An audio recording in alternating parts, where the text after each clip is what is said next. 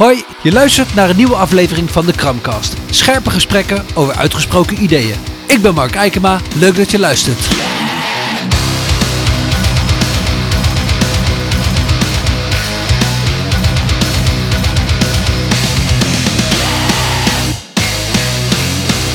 Hey Salima, dankjewel dat je tijd voor me wil maken.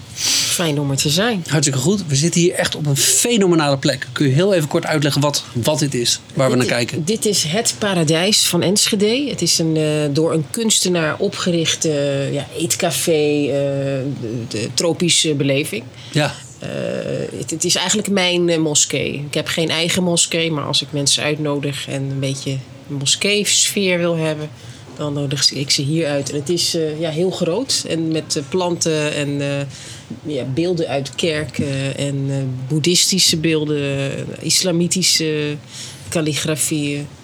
Het is bezaaid met eh, ja, spiritualiteit. ja. En het heeft een beetje de sfeer en zelfs ook de temperatuur van, een, eh, van zo'n indoor dierentuin. Dus ik verwacht Ja. eigenlijk hier apen en papegaaien. Dan komen we die niet tegen, maar verder is het echt een, echt een bizarre plek. Mensen die in Enschede wonen of ooit in de buurt willen zijn, check het paradijs even, want het is echt een, echt een magnifieke plek. Dus ehm, dat eh, voor waar we zitten. Eh, jij bent Salima Ja. en ik wil graag met je praten omdat je eh, volgens mij een interessant verhaal hebt. Want je bent imam, je bent een vrouw. Ehm, je hebt een aantal uitspraken gedaan die een hoop mensen moeilijk te plaatsen vinden. Eh, en je wordt ook niet altijd even goed gehoord, geloof ik. Ja. Dus toen dacht ik, nou, daar ga ik eens een kopje thee mee drinken. Eh, maar zou je eens kort kunnen vertellen wie je bent en wat je doet? Voor de mensen die geen idee hebben eh, wie er tegenover mij zit. Nou, Ik ben eh, Salima El Moussellima. Dat is mijn nom de plume. Dat is een avant-garde imam die ik als kunstenaar ja, perform is een groot woord, maar ik, ik, het is een performance, maar het is ook echt. Eh, ik doe ook echte dingen, ook achter de schermen om.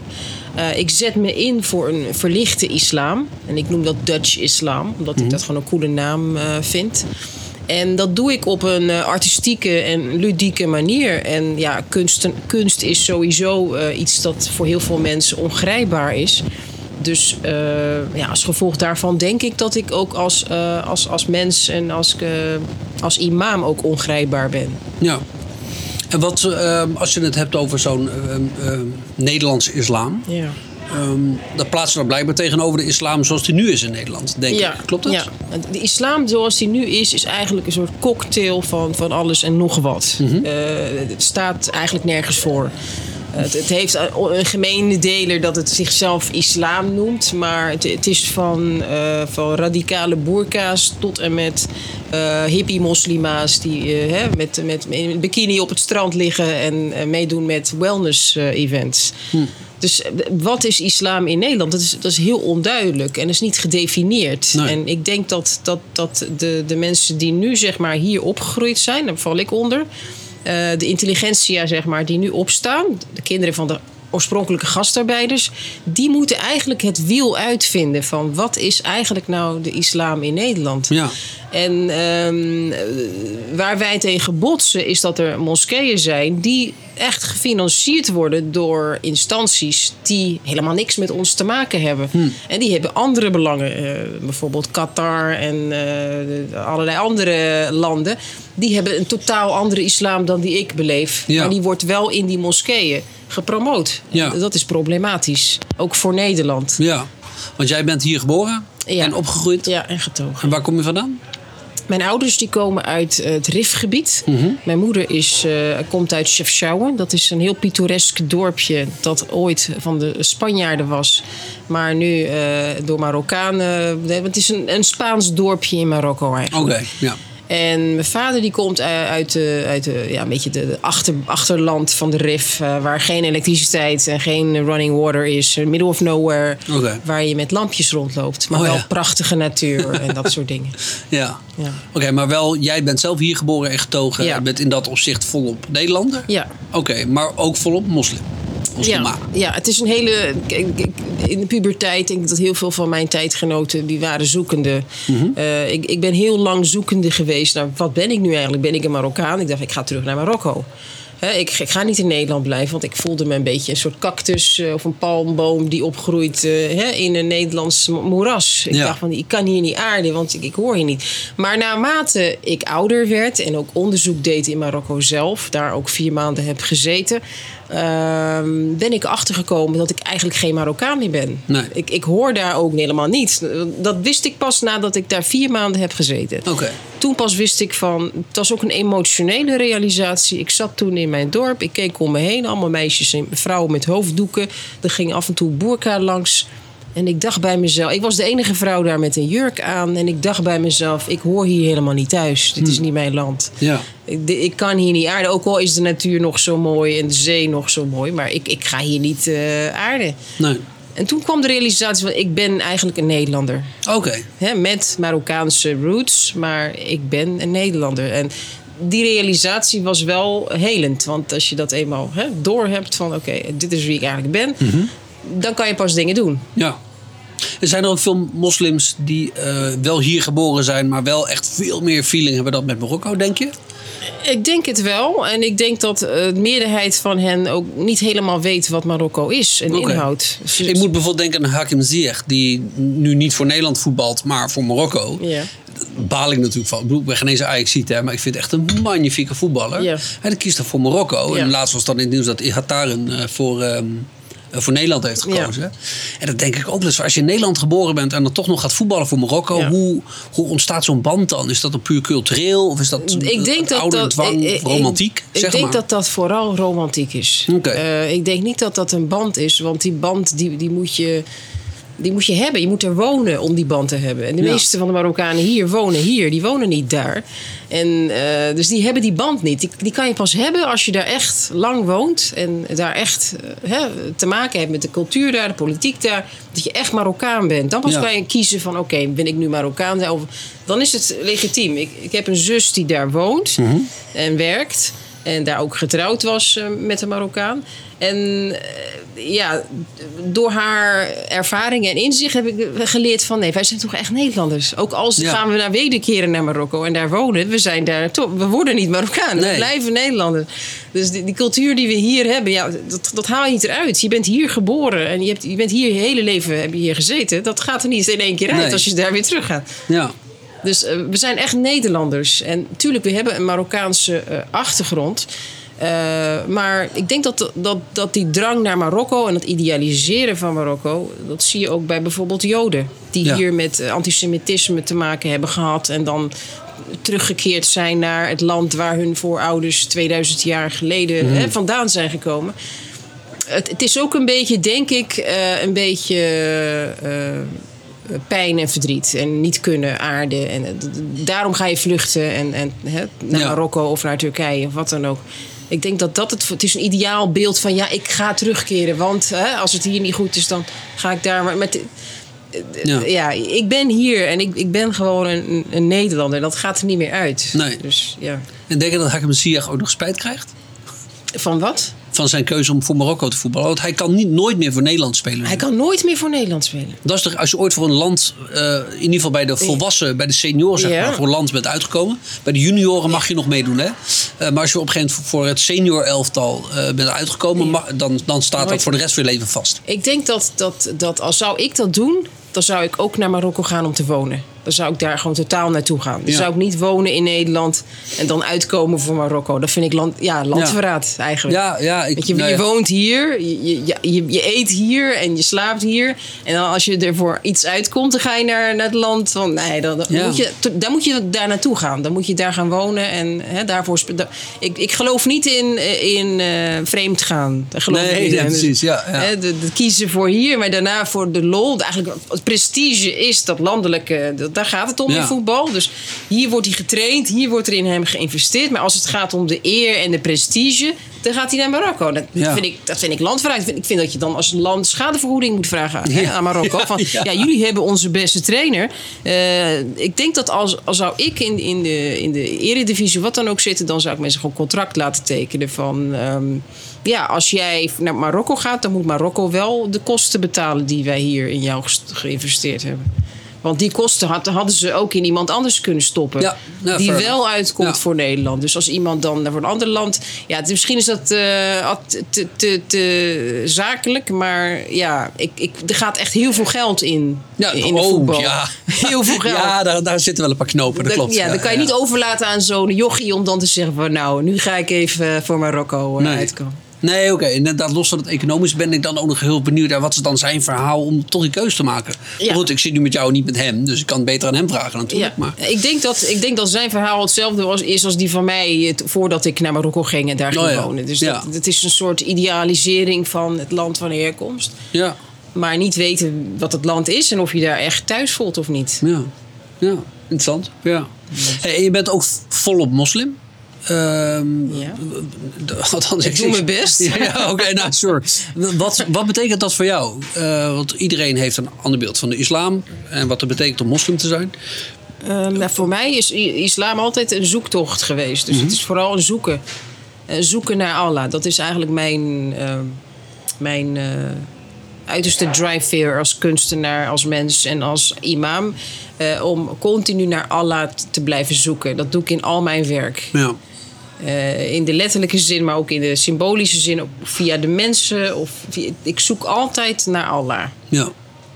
En waarom dan specifiek de islam? Want zoeken naar God, dat zal ook bijvoorbeeld een katholiek doen. eh, of een eh, jood. Of nou, zelfs iemand die het woord niet zal noemen. Ik sprak een tijd geleden met een dame die doet aan kristaltherapie. En is heel erg, laten we het dan maar spiritueel noemen. Ja. In haar taal lijkt zij heel op mij. Ik noem dat dan God en zij noemt dat dan het universum. En zelfs daarin denk ik, joh, ook zij zoekt dus eigenlijk naar God. Maar dan met andere bewoordingen. Maar de, de islam is natuurlijk ook een specifieke religie, zeg Ja. maar. Nou, ik, ben- ik ben erin opgegroeid, dus Mhm. ik ken ook niet anders. Ehm, eh, maar al zou ik overstappen naar, naar. Ik heb ook iets feeling met, met Japan en Shintoïsme en het Boeddhisme. Ehm, dan zou ik, ik, ik, zou, ik zie mezelf niet overstappen, want eh, eh, in principe is het dan toch nog steeds hetzelfde. Hè? Dus ik, ik geloof echt dat als ik het afmaak van begin tot eind, zoeken daarbinnen, dan hoef ik niet in het christendom of in het jodendom of in het atheïsme of wat dan ook. Dit is wat ik heb. Ja. Ik, ik ben niet opgevoed in een islam die onderdrukkend is en eh, niet prettig is. Dus eh, ik hoef er niet uit te stappen. Nee. Eh, als het echt onprettig was, of dat ik zie dat er, dat ik, dat ik echt, eh, dit- dat er dingen zijn waarvan ik zeg: dit, dit, dit klopt niet, dan zou ik eruit kunnen stappen en een andere weg eh, in kunnen slaan. Maar ik, ik- zit vooral in de islam en ik laat me inspireren door wat ik om me heen zie. Ja. Mijn islam is ook eh, geïnspireerd door wat ik hier meemaak. Door het atheïsme, Ja. door christendom, door, eh, dat, dat maakt mijn islam, denk ik. eh, hoe zeg je dat? Een stuk eh, interessanter. Want het, het, is niet, het is niet in zichzelf gekeerd, maar staat open voor Ja. invloeden van buitenaf. Ja. En wa- wat maak jij dan van de islamkritiek die er is? Ik bedoel, je, je bent zelf geregeld, als ik je zo op social media voorbij zie komen, in ieder geval kritisch op politieke correctheid en op, ehm, ehm, volgens mij ook wel op een aantal uitingen van de islam zelf. Ja. of ver- vertegenwoordigers van de islam. Ja. Ja, noem het zo. Wat, wat, wat, wat maak jij daarvan? Wat doe je daarmee? En eh, wat doet het met jou? Nou, ik, het eerste, het meeste, wat, wat, wat ik de afgelopen periode, zeg maar, eh, toch best wel mijn stem eh, over wilde geven, was het oproepen tot het gebed door de Blauwe Moskee. En de manier waarop dat gedaan werd. Eh, Ik vond dat zelf niet bij de islam passen. Om dat zeg maar door te drukken. En wij, wij, hè, of jullie nou willen of niet, wij gaan oproepen tot het gebed. Eh, en dat, dat vond ik een soort. eh, ja, hoe moet ik het zeggen? Dat, dat je zo bewust mensen eh, pijn doet of boos maakt of geëmotioneerd maakt over hun stad. En je, je daar niet druk over schijnt te maken, lijkt te maken. Dat vind ik een soort hardheid tonen van de islam die, waar ik niet voor sta. Nee. Ehm, ik geloof heel erg in eh, verbinding en dialoog. En dat wij misschien die moskee die wij kennen in Marokko, misschien dat we dat hier in Nederland op een multiculturelere manier doen. Waarin het hè, met meer respect is voor de omgeving. Dus we, we hoeven hier, want als wij dat gaan doen zoals we dat in Marokko kennen, dan, dan moeten we elke moskee vijf keer per dag met de microfoon echt gewoon Allahu Akbar Allah in de ochtend. Dat, hè, dat, dat is echt wat, wat, wat de moskeeën doen. Ja. Als we dat in Nederland zouden doen, dan zou dat landschap totaal veranderen. Ja. Dan wordt het gewoon een, voor mij een islamitisch landschap, Ja. als dat zo wordt. En Maar je zegt het bijna alsof je dat niet zou willen.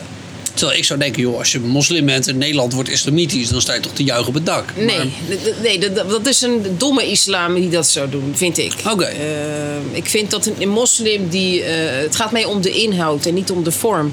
En de inhoud van de islam voor mij is genade en, en liefde. En als ik in andermans land, zeg maar, het is ook mijn land, maar ik bedoel, cultureel is het hè, andermans land waar ik nog in moet integreren, daar moet ik een nieuwe vorm in vinden Ja. vind ik. En die vorm vinden, dat doe je al tastend en al in dialoog gaand. Dat, Ja. dat, dat is niet iets wat je zegt, oké, ik doe het zoals ik het ken. vind ik heel kinderachtig. Dan sta je niet open voor verrassingen. Van, oké, misschien gaan wij niet hardop met microfoons oproepen tot het gewet. Misschien doen wij zonder microfoons. Misschien is dat leuker. Ook Ja. voor de omgeving die nog zijn slaap wil eh, doen. Ja. Eh, of hè, dat we dan misschien teruggaan naar hoe de profeet eh, dat deed. Ja.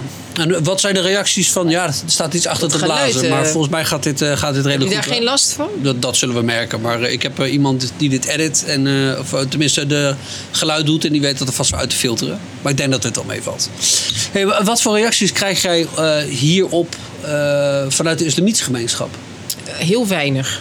Het zijn vooral de jongetjes die reageren en de mannen. En eh, van de vrouwen komt er geen geluid.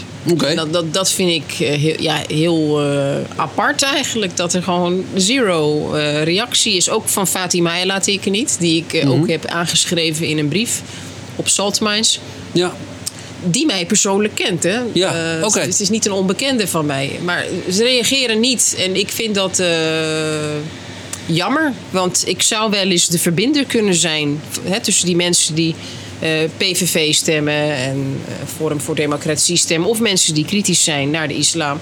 En de moslimgemeenschap. Ja. Ik zie mezelf daar echt als een, als een brug tussen. Ja. Maar dan moeten ze mijn hand ook durven pakken. Als Pegida eh, mijn hand pakt en, en eh, vriendelijk op mij reageert en met mij, eh, door mij geïnterviewd wordt.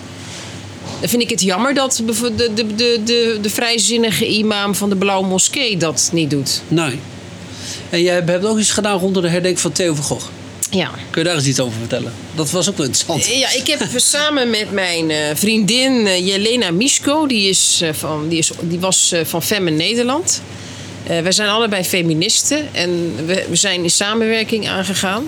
En samen met haar wilden, eh, ik, wilden wij acties eh, doen, performances doen. En eh, voor mij was dit een gelegenheid, 15-jarige eh, herdenking van Theo van Gogh om iets te doen eh, voor Theo. En ehm, ik wist dat hij twee weken voor zijn dood geïnterviewd werd door Psychologie Magazine. En eh, gevraagd werd wat zijn laatste wens zou zijn, mocht hij overlijden. Eh, en toen zei hij van, nou mijn laatste wens is dat, dat er een Theo van Gogh museum komt. Pal tegenover de Van- Vincent van Gogh museum. Ja. Want dat, dat- is ook familie, toch? Heel ver. Ja, dat is een Ja. achter, eh, achter eh, eh, oom van hem geweest. Oh ja. En ja, ik vond dat wel raak. En ik dacht van, ja, Theo van Gogh is een held voor, zeg maar, voor de vrijheid van meningsuiting. Hij is daarvoor helaas vermoord. En eh, dat heeft een, een, een- hele grote breuk geslagen in het vertrouwen in de vrijheid die wij hier al jaren kennen. Ja. Eh, van van eh, kritiek op godsdienst, kritiek op van alles en nog wat. Dat, dat hebben kunstenaars hier altijd gedaan. En ik vind het jammer dat die dialoog die hij zeg maar, is gestart tussen de islam en Nederlandse artistieke zeg maar, vrijheid, dat die gestopt is. Er zijn nu geen kunstenaars meer die, die daar iets mee doen. Nee. Iedereen is bang, iedereen, is, eh, iedereen durft niks meer te zeggen, geen cartoons meer te maken. Want eh, het dreigt gewoon dat je vermoord wordt. Ja. En eh, dat, dat, dat past gewoon niet bij Nederland. Dat past ook niet. Ik vind dat, dat je als kunstenaar moedig moet zijn. En waarom niet de avant-garde imam? Die, die dan een, een lans slaat voor Theo van Gogh. Eh, vooral ook omdat ik eh, voorstander ben van is, Nederlandse islam. En een Nederlandse islam komt op voor, voor zijn vrijheid. Ja. W- Wat maakt dan eh, dat de. Wat maakt de Nederlandse islam dan anders dan de. Nou ja, wat er tegenover staat. Eh, ik weet niet eens hoe dat moet noemen. Dat andere, dat is, dat is cultureel. Dat is de cultuur van Qatar. Dat is hoe de Qatar-mensen hè, leven. De moslimbroederschappen in Egypte. Hoe zij, zeg maar, hun islam vormgeven. Uh, maar Nederland, ga, Nederlands islam gaat echt over de Marokkanen en de Turken en, en de, die, eigenlijk jongeren, ooit jongeren, we zijn nu volwassen in, inmiddels, die hier zijn opgegroeid en die zoeken naar een islam van hier. Ja.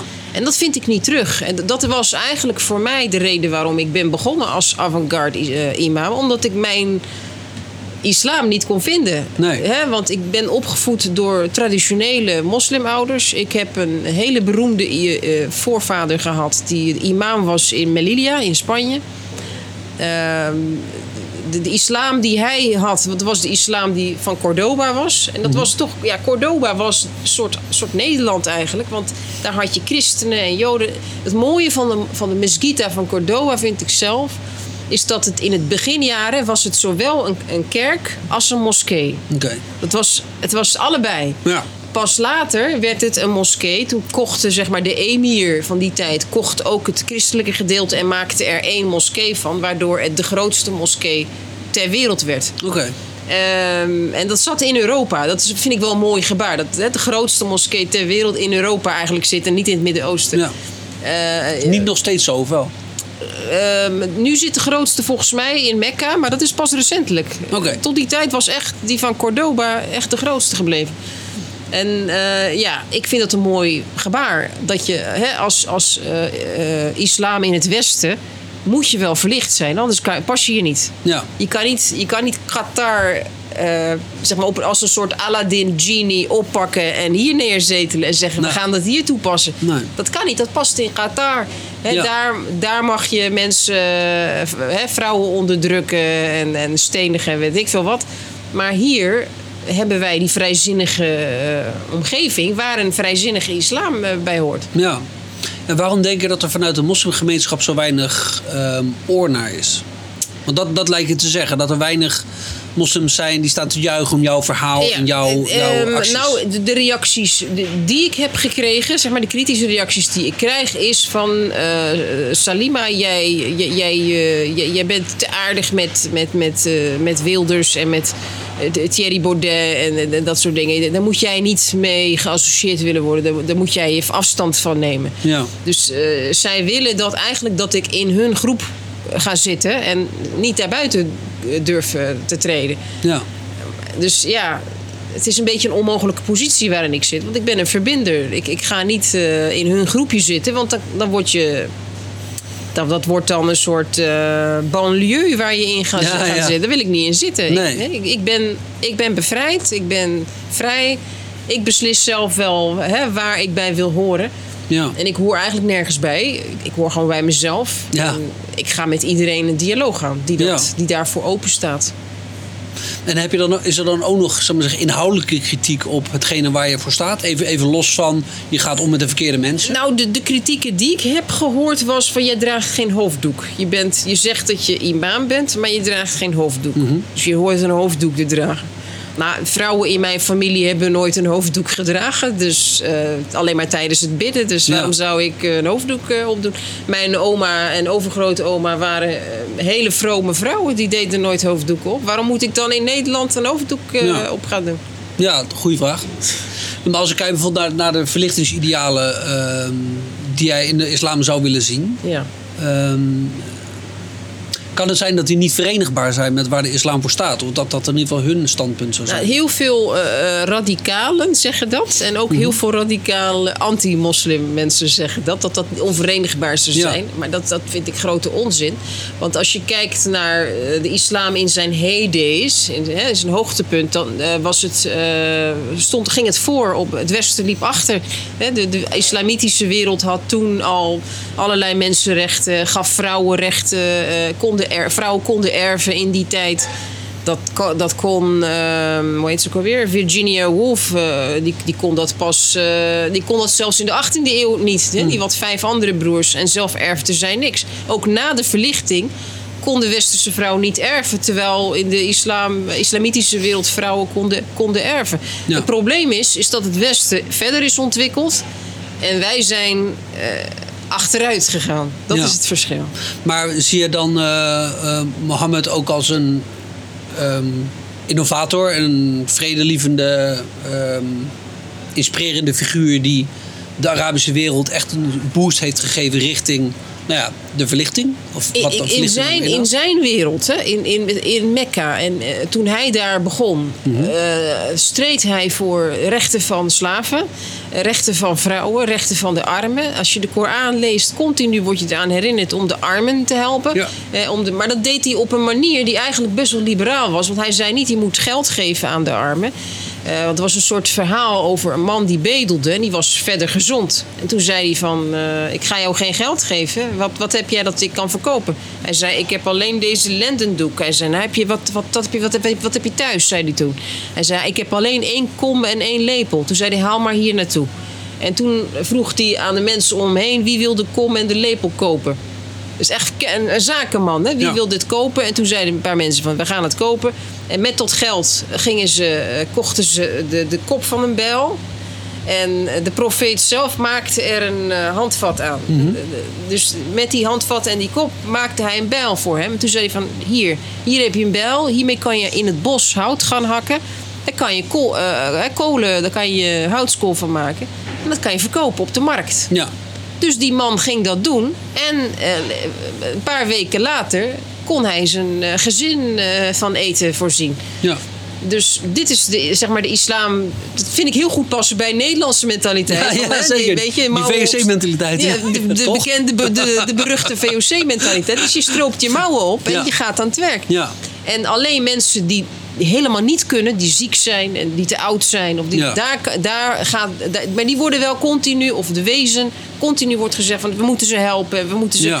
ervoor, staan en we moeten niet alleen maar voor onszelf willen, rijkdom. eh, hè, Het is ook zo dat mannen van oorsprong geen goud mogen dragen. Waarom? Omdat dat een soort eh, niet past bij die sobere lifestyle die de islam toen voorstond. Als je. Ja. nu kijkt naar, naar die Midden-Oosterse landen, zie je dat, die, Ja. dat ze toiletten hebben van goud. Ja. Dus ehm, ik denk dat, dat de geest van de islam heel goed past ook bij de Nederlandse normen en waarden. Van hard werken, ehm, je staat in voor de armen en, en, en je helpt elkaar, en, maar wel nuchter blijven en eh, uitgaan van de eigen kracht. Ja.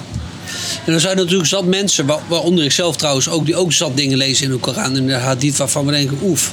Weet je, Mohammed die een vrouw slaat, die Mohammed die op de borst van een man een vuur aanlegt om die man maar ervoor te laten zorgen dat hij het geld aan Mohammed geeft.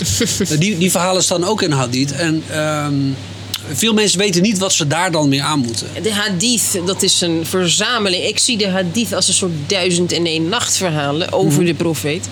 Eh, dat de, de, de alleroudste hadith is 100 jaar na de dood van de profeet. Ja. Dus 100 jaar na de dood gingen mensen uit, volgens mij was de Rus, want die, die moslim, eh, Bukhari was een Rus, dus dat was iemand van het buitenland.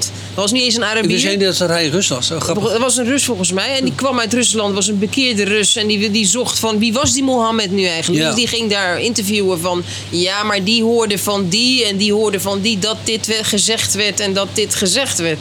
Dus dat, dat, dat, zijn, dat is sociologisch onderzoek. Hè? Dat, dat, dat 100 jaar na dato is. Als, als jij nu naar de stad gaat van, weet ik veel, eh, waar iemand van 100, Aletta Jacobs heeft, heeft geleefd. En dan vraagt in het dorp van hoe was Aletta Jacobs? Er kunnen ook de wildste verhalen over Aletta Nee, Jacobs tuurlijk, hè, ja. eh, de- de- de- gaan. Dat die profeet op eh, betoverende dingen deed en dat hij magier was. En dan moet je ook met een eigentijds eh, blik moet je die verhalen zien. Mhm. En vooral zien van is dit, past dit wel bij de boodschap van de islam. En als er zo een, een soort in die verhalen van hadith iemand het voorschijn komt die helemaal niet past in de boodschap van de Koran dan geeft dat voor mij reden om die stukken te betwijfelen. Ja. Dat, ik ga niet vanuit wat iemand gezegd heeft en dan zegt dit is de islam. Maar, eh, want in, in, bij de hadith heb je natuurlijk die isna, die, die keten van overlevering eh, van de verschillende hadiths. Eh, waarin de sahi de meest betrouwbare zouden zijn. Maar, begrijp je dan goed dat er ook zat zijn waarvan jij zegt... ze mogen wel sahi zijn, maar ik erken ze niet... omdat ze niet passen binnen de, binnen de geest van de islam? Kijk, ehm, het enige wat ik zeker weet, is dat, dat, dat de Koran een, een boodschap had. Ja. Eh, Een basisboodschap in die tijd. Eh, en die boodschap was vooral. eh, we moeten de, de armen rechten geven. We moeten vrouwen rechten geven. We moeten de slaven bevrijden. Dat was de kernboodschap. En eh, we moeten die verhalen eromheen bezien vanuit die kernboodschap. Dus als iemand in een verhaal als een soort gemene duivelse hè, eh, kracht tevoorschijn komt, dan betwijfel ik of, of dat klopt of niet. Ja, oké. Eh, Ja. dus ik vind dat daar onderzoek naar gedaan moet worden. Dat niet er gelijk vanuit gegaan wordt dat dat, dat oké is. En dat, dat, dat het onze plicht is om met de geest van de islam die stukken te, te, te bekijken. ja. En de geest van de islam haal je met name uit de Koran dan, denk ik. Nou, uit de Koran, maar ook uit, uit de boodschap van de Koran. De, de Koran is niet alleen maar de Koran. De Koran is ook de Bijbel, is ook de Torah. Is ook, Dat zijn al die profeten die continu zijn gekomen. En Ja. de Koran zelf zegt ook niet van ik ben de Koran. Hè. De Koran is het complete, het complete boodsverhaal. Ja. Snap je? Dat, dus het is een beetje verwarrend voor Westelingen als ze horen van wat de Koran is. Maar de, de Koran is niet alleen maar het boek dat zich de Koran noemt. Het staat voor een veel breder begrip. De Koran is, is de boodschap van alle profeten. Ja. En dat, dat begint tot en met begin der tijden. Tot de farao. En eh, boodschappen van, hè, die bij Mozes zijn gekomen. Ja. En Noach en eh, Abraham. Dat alles wordt Ko- Koran genoemd. Dus dat is die boodschap die. Ja. ik, eh, die ik volg. En eh, alles wat daar omheen zit, dat bezie ik kritisch. Ja. En dat, dat, eh, dat, dat ga ik niet zomaar aannemen. Nee, en dat is inderdaad redelijk een verlichtingsideaal lijkt me. Om gewoon het, het alles te onderzoeken en het goede eruit te halen. Dus dat. Maar is er dan geen gevaar dat je een... Maar pardon, niet alleen het goede eruit halen, maar echt proberen te begrijpen. Oké, ja. Nee, sure. Ja. Maar is er dan geen gevaar dat je een te... Nou... te veel Jip en Janneke versie maakt van de islam... omdat die toevallig bijvoorbeeld goed voelt... of omdat je denkt, ja, ik vind dit passen... dus daarom kies ik dan maar voor. Ik vind dat nog wel eens lastig in gesprekken met moslims... dat ik denk, ja, soms lijkt het een beetje cherrypicking te worden. Hé, hey, kijk, Mohammed Ja, doet... Ik heb ooit, had ik er bij eh, Faam Instituut... misschien ken je het wel, van Anne van Dijk... Ze hadden een, een, verhaal gepost over Mohammed. Die eh, samen met een kameraad ergens reed. Eh, en er kwam een vrouw van een bepaalde stam kwam naar hen toe. En Mohammed draait het gezicht van zijn, van zijn vriend, zeg maar, die met hem mee was, zijn metgezel, draaide hij weg. Om die vrouw, zeg maar zeggen, niet de oneer aan te doen dat die werd aangekeken. Ja. En daarvan zeiden ze, oh moet je kijken, niet die vrouw moet zich bedekken, maar van, van die jonge man wordt zijn eh, ge- weggekeken. ge- gezicht afgewend. Nou ja, even los van wat je dan van het hele eervraagstuk vindt, denk ik, nou, dat is wel mooi. Hij had die vrouw kunnen straffen, maar hij zegt nu tegen de kerel, hé, hey, jij moet die vrouw niet aankijken, want dat wordt ongemakkelijk. Ik denk, nou, dat is, daar is best wel wat voor te zeggen. Dus daar dacht ik, oh, interessant. En toen ging ik kijken wie die vrouw dan was geweest. En ze kwam uit een bepaalde stam die een paar jaar daarvoor... door Mohammed en zijn metgezellen compleet was vermoord. Toen zei ik ook, ja, weet je... dit is dan misschien een mooi verhaal over Mohammed of niet. Eh, daar kun je het over hebben. Maar hij is er ook verantwoordelijk voor dat haar hele stam is uitgemoord. Hoe moet ik dat dan plaatsen? En wat ik dan lastig vind, is ja, nee, moeilijk vragen en zo hard geformuleerd, daar gaan we niet op in. Oh, ik denk, nee, maar ik vind, het, ik, vind het, ik vind het een terechte vraag. En weet je, ik ben er niet per se op uit om de islam eh, kapot te maken of zo, verre Ja, ja. van. Ja, ja. Maar dit vind ik moeilijke punten. En als je vervolgens, eh, nou, IS, om even een heel extreem voorbeeld te noemen, dat soort dingen ook ziet doen, dan zijn er zat mensen. En ik, ik mezelf niet per se aan die kant, maar ik, Mhm. ik heb in ieder geval sympathie voor hun conclusie. Dat ze denken, oh ja, natuurlijk, IS is hartstikke islamitisch. Want we lezen in de Koran en de Hadith, dus ze doen gewoon precies wat Mohammed heeft gedaan. Ja. Ehm, dus ik, ik zou dan denken dat, het, dat er een gevaar zit van... hé, hey, ik haal het mooie en het goede en het schone uit de islam... en ik probeer dat echt te begrijpen. Eh, en er zit heel veel moois en goeds en schoons in, laten we wel wezen. Ehm, maar gaan we dan niet te makkelijk voorbij aan de, eh, aan de moeilijke kant? Want Ja, ik, denk juist dat we met die moeilijke kant aan de slag Daar moeten. ben ik het compleet mee eens. Ik vind dat, dat we al die moeilijke punten eh, Mhm. belangrijk en een aandachtspunt moet worden. En dat wij met de imams hier in Nederland daar pittige discussies over moeten Oké, gaan voeren. ja. Ik vind wat, eh, wat, wat de FAM deed, dat, ze, ze hadden het tegenovergestelde moeten doen. Ze hadden moeten zeggen, dankjewel dat je deze vraag durft te stellen. Ja. Wij moeten hier gesprekken en dialoog over hebben. Ja. Want het moet heel duidelijk worden van wat nou eigenlijk de, de waarheid is. Ja. Dus ik ben, eh, kijk, ik, ik, het verhaal dat hij een hele dorp heeft uitgemoord, dat ken ik niet. Dus ik zou graag Sure. eh, verdere informatie willen. Ik weet ook niet alles, ook als Nee, imam allicht, eh. Ik weet ook niet alles. Wie wel? wie wel, ik weet wel dat in, tijdens het leven van de profeet is het, het hele gebied zeg maar, van het, het, het, Midden-Oosten zeg maar, is veroverd. Dus eh, dat, hij leefde dan toen nog. Ja. Dus, dan, dus hij was toen ook een, een, een, eh, ja, een, leidsman in, in de oorlogsvoering. Ja. Dat kan niet anders, anders verover je niet dat hele gebied.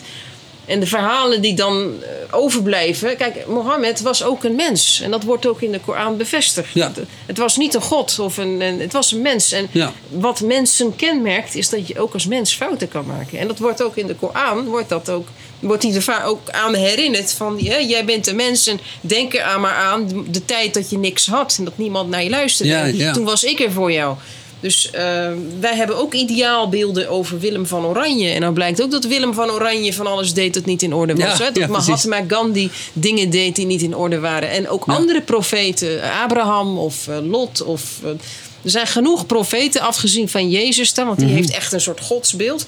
Maar de, de meeste profeten in de Bijbel zijn allemaal mensen. Ja, nee, en zeker Mohammed weten. Ja. doet daar ook. Hè, dat is ook een van die profeten. Dus ehm, dat hij dat heeft gedaan, betekent niet dat het oké is. Ook in, in, in Nee, Gods sure. Maar er zijn natuurlijk wel ve- veel moslims, tenminste zoals ik ze bijvoorbeeld in Overvechten meegemaakt. Die zeggen, ja, Mohammed is het perfecte voorbeeld voor alle mensen van alle tijden. Oké. En dan denk ik, ja, we, we weten, en de, de meeste moslims zullen het erkennen. Jij denk ik ook dat Mohammed ergens in de 50 was toen hij met Aisha trouwde. En Aisha was zes toen ze trouwde en negen toen het huwelijk nou, Dat wordt betwijfeld. geconsumeerd werd. Dat, dat, oh, dat wordt betwijfeld, want de informatie die ik heb is dat Aisha toen ruim 19 was. Toen zij met de profeet eh, trouwde.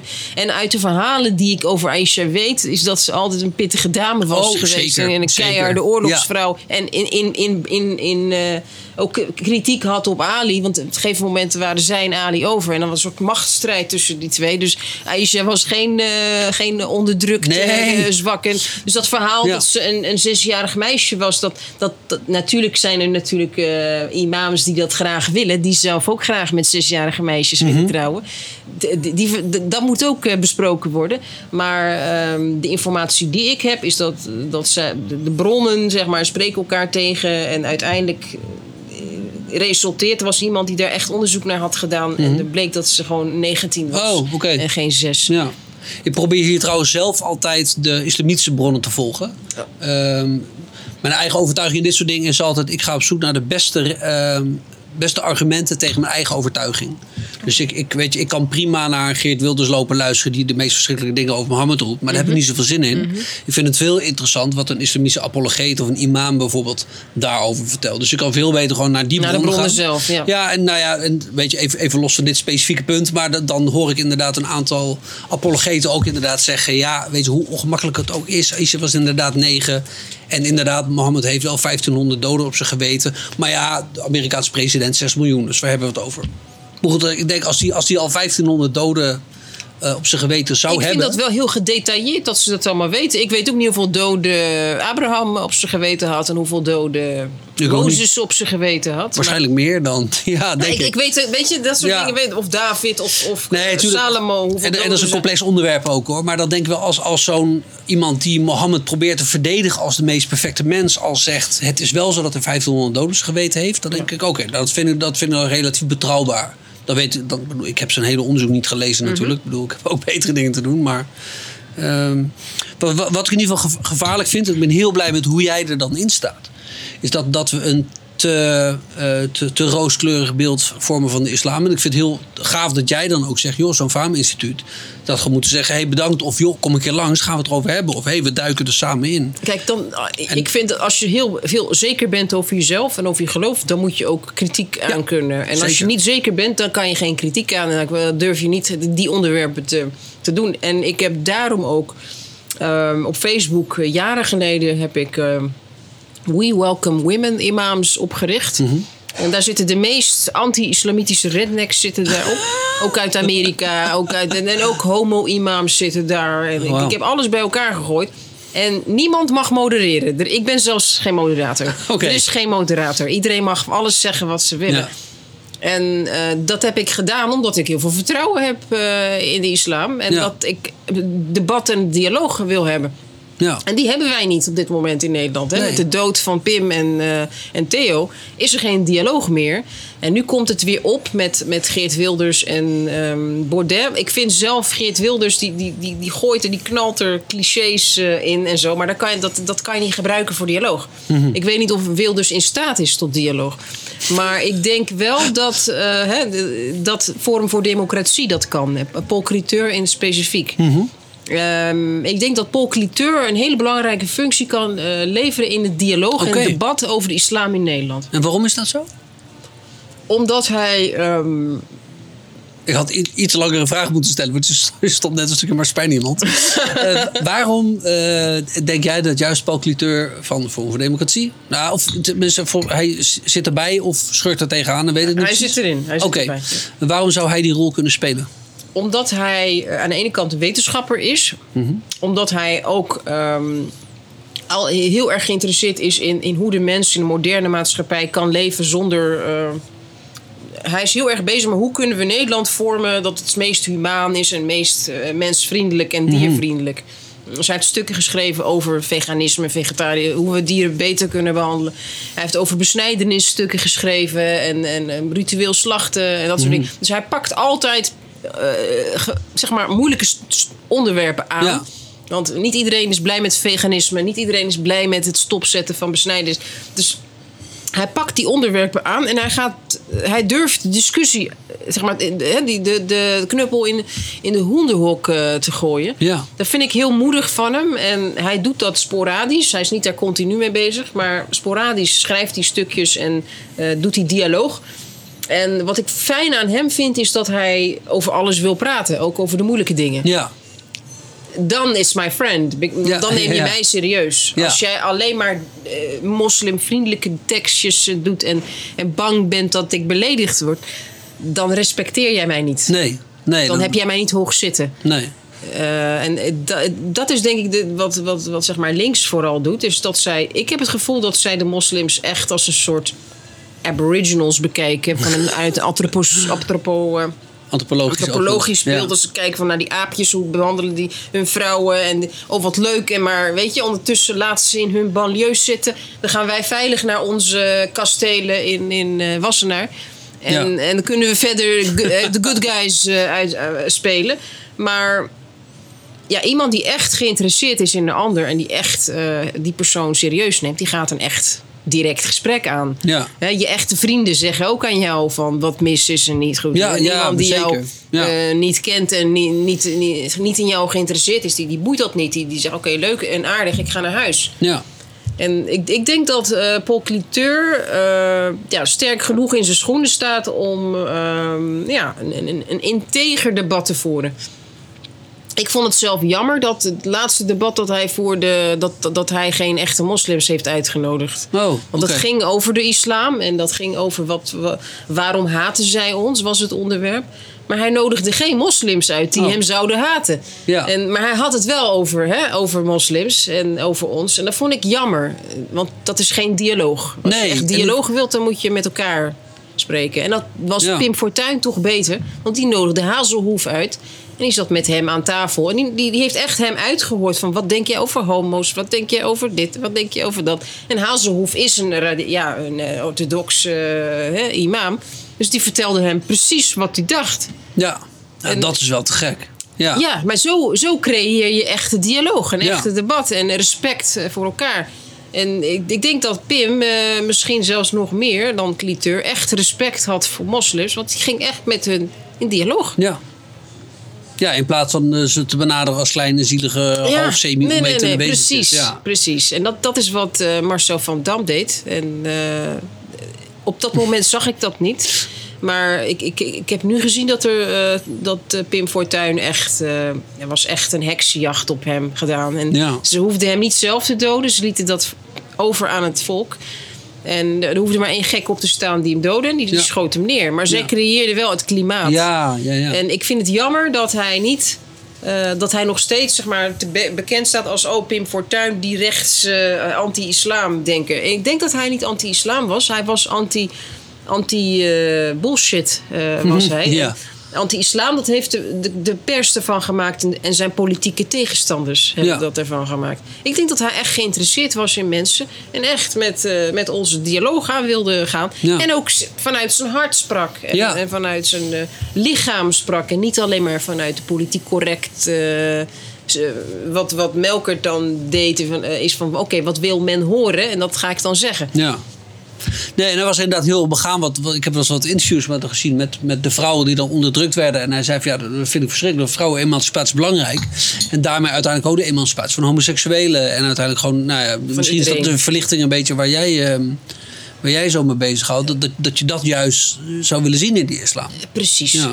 Heb je er altijd zo in gestaan? Of ben je hier in de Niet laatste... altijd, niet altijd. Ik, toen ik, eh, toen het, het eh, Pim Fortuyn vermoord werd, had ik een hoofddoek. Mhm. En eh, ging ik om in een soort traditioneel islamitisch, eh, zeg maar, eh, circuitjes. Ja. Ook in, ik studeerde toen ook in Leiden. En ik kende daar ook heel wat dames die nu zeg maar tegenover mij staan. Maar dat waren in die tijd eh, jonge meisjes met een hoofddoek... die echt vanuit een soort zelfbewustzijn ook die hoofddoek opdeden... en hun religie gingen onderzoeken en naar land van herkomst reisden. Een soort zelf eh, on- ontdekking zeg maar deden. Daar deed Ja. ik ook aan mee. En ik bekeek Pim Fortuyn echt vanuit een... eh, vanuit mijn eigen, zeg maar, eh, bubbel. En dat was van, oh, hij heeft het tegen ons en hij, hij, hij mag ons niet. Of hè, Ja. hij mag ons niet en hij vecht tegen ons. En ik kom zelf ook uit een eh, jeugd waarin ik toch wel gediscrimineerd werd als kind. Dus ik dacht van, oké, nu het komt weer. Dus Ja. het komt weer die haat van eh, buitenlanders. Ik had niet eh, het onderzoek gedaan die ik nu heb gedaan. En echt dat ik echt zie van oké, dit is een hetze. En dat zei hij helemaal niet. Dat zeggen ze over hem. Mhm. Maar hij zei dat helemaal niet. Toen, toen was ook geen YouTube en zo. Hè? Dat, dat Ja, was er nog ja. niet helemaal. Dus ik, ik kon niet zelf onderzoeken. En het fijne van internet is dat je nu gewoon alles kan achterhalen. Van wat hij bedoelde en wat hij schreef. En dat, dat kon ik toen niet. Nee. Dus ik had niet de informatie, alleen wat de media over hem zei. En dat was dat hij ultra-rechts was en dat hij Marokkanen haatte. Dus zo, dat is het wat ik van hem wist. En dat zie ik nu ook een beetje weer bij Baudet. Dat mensen dat ook weer proberen om hem neer te zetten als een eh, hater van buitenlanders en anti-islam, eh, et cetera. Ja. Want ook dat klopt niet, Ook dat je. klopt niet, nee. Dan kun je, kun je kort uitleggen wat je dan... waar de miskarakterisatie in zit... en wat volgens jou dan een beetje stand, voor standpunt is rondom islam? Nou, er wordt dus ook karaktermoord gedaan. eh, van ook, eh, hij is een hater, hij is ultra-rechts, is een populist. Als je kijkt naar de pers in het buitenland over Baudet is, hij is een populist. Is hij helemaal niet. Eh tuurlijk gebruikt hij sociale media en doet hij, want hij moet een partij zeg maar opstarten. Ja. Dus hij moet wel iets eh, met het volk doen. Eh, maar hij is echt inhoudelijk. Hij gaat over van we hebben te veel immigratie in dit land. Nederland is, is, is het meest bevo dichtstbevolkte land ter wereld. Vergeet je het niet. We hebben hier geen bossen en, wilde bergen en dat soort dingen. Nee. Dit is allemaal bebouwd en het is allemaal industrieel. Ook de, de parken die hier zitten zijn door mensen aangelegd. Dus Ja. wij hebben niet zoveel ruimte. Dus wij kunnen niet heel Afrika binnenlaten. Nee. Dat, dat is gewoon onzinnig. Wij kunnen niet het wereldklimaat oplossen door in Nederland met, eh, met, met allerlei hele dure ingrepen te gaan doen. Wat Pim Fortuyn zei, van als wij in, in Rusland eh, de- die kerncentrales schoonmaken, dat effect daar zou Ja. veel meer effect hebben op de planeet als Ja. geheel dan in Nederland gaan zitten sleutelen. Ja. Dus eh, Pim Fortuyn dacht veel beter na over die dingen dan Ja. de politiek hier. En nu zie je dat we dat D66 en VVD en zo, die willen dat wij hele duur, dure rekeningen gaan betalen om het klimaat in Nederland. Dat gaat niet lukken. Dat is Nee. gewoon. Ik weet niet hoe zij dat hebben uitgedokterd. Welke mensen daarachter staan. Want het is gewoon bullshit. Wij kunnen in Nederland niks. Wij kunnen alleen met onze creativiteit en, en, en ingeniositeit op wereldschaal iets betekenen. Ja. Door in Rusland dingen te gaan doen met Rusland. Door in, weet ik veel, Afrika met zonne-energie te gaan werken. Ja, of India Ja, bijvoorbeeld. India, Zo, die gaan uitstoten de komende tijd. of India. Zo, ja. Die- Als wij, wij in Nederland kunnen daar echt iets, iets doen. Ja. Met onze bedrijven en NGO's. En eh, daar moeten we eens in gaan investeren. En niet dat wij hier eh, dingetjes gaan lopen doen. die de burgers hier enorm gaan uitmelken. Want dat gaat enorm veel geld kosten. Dat kunnen wij niet nu bekostigen. Dat, dat, dat- er komen zoveel armen nu op. Mensen die het niet meer kunnen aankunnen. Dat zijn vaak kleine ondernemers die verliezen hun bedrijven. Eh, belanden in allerlei dingen. Dat wil je toch niet? Dat, dat, dat wil je toch Nee. je burgers niet aandoen? Nee, en dat, en dat gaat uiteindelijk ook gewoon een negatief effect hebben op, het milieu. Op- op Want juist als mensen wat welvarender zijn, gaan ze zich zorgen maken om het milieu. Dus Zou ik, zou ja. juist denken, investeer in bijvoorbeeld in een groot land als, als India. En zorg dat, dat, dat daar innovatie komt. Dus, Dus als daar al een paar van die riksja's elektrisch gaan rijden in plaats van op steenkolen. precies. Dan wordt de lucht hier zoveel schoner. Exact, dat, dat, Kijk, op wereldwijd gaat dat eh, resultaat eh, Ja, kijk, en ik vind het helemaal niet zo'n probleem dat we nu tijdelijk naar 100 gaan op de snelweg. Dat, weet je, ik vind het vervelend, maar goed. Uh, zwart, prima, dat is dan maar even zo. Als ze daardoor zoveel meer huizen kunnen bouwen binnen de juridische mogelijkheden, zeg ik prima, gaan. Maar ja, wat je zegt, eh, Pim Fortuyn had ook toen zo'n prachtig stuk over, ik geloof ergens in het gooi, dat ze Ja. drie kilometer snelweg ergens wilden ondertunnelen vanwege, vanwege twee padden. Ja. En dan zei als we da- voor dat geld nog gewoon een paar van die, van die roetfilters ergens in Tsjechië op een Ja. paar van die schoorstenen proppen. Dus dat. Oh, Dat had ik ook gezien. En het is dat veel is- pragmatischer, veel was- realistischer. die dacht out of the box. Dat- hij was niet alleen maar een politicus, maar ook een, een hele kunstzinnige, eh, creatieve denker. En dat, dat is waar gebrek aan is. Want Rutte is geen creatieve denker. Eh, en, en al die jetters en, en GroenLinksers zijn ook geen creatieve denkers. En ik denk dat voor die creativiteit moet je toch echt wel, denk ik, toch bij Forum zitten. Want dat is echt... eh, misschien niet alle, alle mensen die op die lijst staan. Mhm. Maar ik denk dat, dat hun eh, basispunten zijn heel logisch en wordt breed gedeeld in het land. Ja. En ik, ik denk ook dat, dat het misschien die partij niet eens eh, ontstaan had hoeven worden. Als, als de, de bestaande partijen dat oppikten. Maar Ja. dat, dat doen ze niet. Dus ja, dan moet het zeg maar ontstaan om, om een geluid te geven aan, aan dat burgerlijke, Ja. aan die burgerbeweging. Want het is eigenlijk een, een burgerlijke beweging. Het Ja. zijn mensen. Het is niet, gaat niet om Baudet of eh, eh, de mensen die daar zitten. Het gaat om de mensen daarachter. Ja, Ons eigenlijk. Wij Ja. willen niet die rekening betalen. nee. Denk je niet dat voor Democratie een tijdelijk verschijnsel kan zijn? Kan. Omdat het uiteindelijk gaat om de burgers erachter. Maar ik denk niet dat het tijdelijk zal zijn. Want ik denk echt dat ze een origineel geluid hebben. En ook eh, in kunstzinnig opzicht. Want ik heb een keer een, een video gezien waarin Baudet in de, in, in de kamer zeg maar, naar de kunst keek die daar hing. En dat was allemaal. Hij noemde dat, eh, dat die kunst echt neerkeek op, op Nederland. Dat was echt eh, hele belachelijke, dure Ja. kunst die, die nergens op slaat. Die ook niet de, de eigen trots eh, in zich had die wij hier hebben. Op onze eigen geschiedenis. En ja, ook de kunst is natuurlijk in linkse handen. Dus ik, ik denk dat hij echt een, een, een geluid is van, van, van laten we teruggaan naar, naar, naar de menselijke maat. Ja. En niet meer naar dat eh, ja, bullshit eh, idee van eh liberalism waarin alles kan en mag en, en, en niks waarde heeft. Ja, ja, ja. Ja, ik zelf zou mezelf ook wel wat, wat meer aan, aan hun kant plaatsen, denk ik, dan aan de GroenLinks-kant. Ehm, maar dat zeg ik dan ook een beetje voorzichtig. Want ehm, ik, ik heb me te weinig verdiept in Forum voor Democratie om, daar, om daar al te veel over te kunnen zeggen. Maar ik ben overal wel nou ja, gematigd enthousiast over de beweging, zeg maar. Wat ik vooral interessant vond, was wat, eh, wat hij zei na de verkiezingen rondom... Was dat gemeenteraadsverkiezingen, denk ik, de laatste? Waar hij de ba- van de boreale, eh, waar, waar dat woord toen werd Volgens gebeten. mij was dat de Ja, provinciale. Ja. Ja. En toen dacht ik ergens van, oké, ik, ik mis nog een beetje beleid en concrete invullingen, dat soort dingen.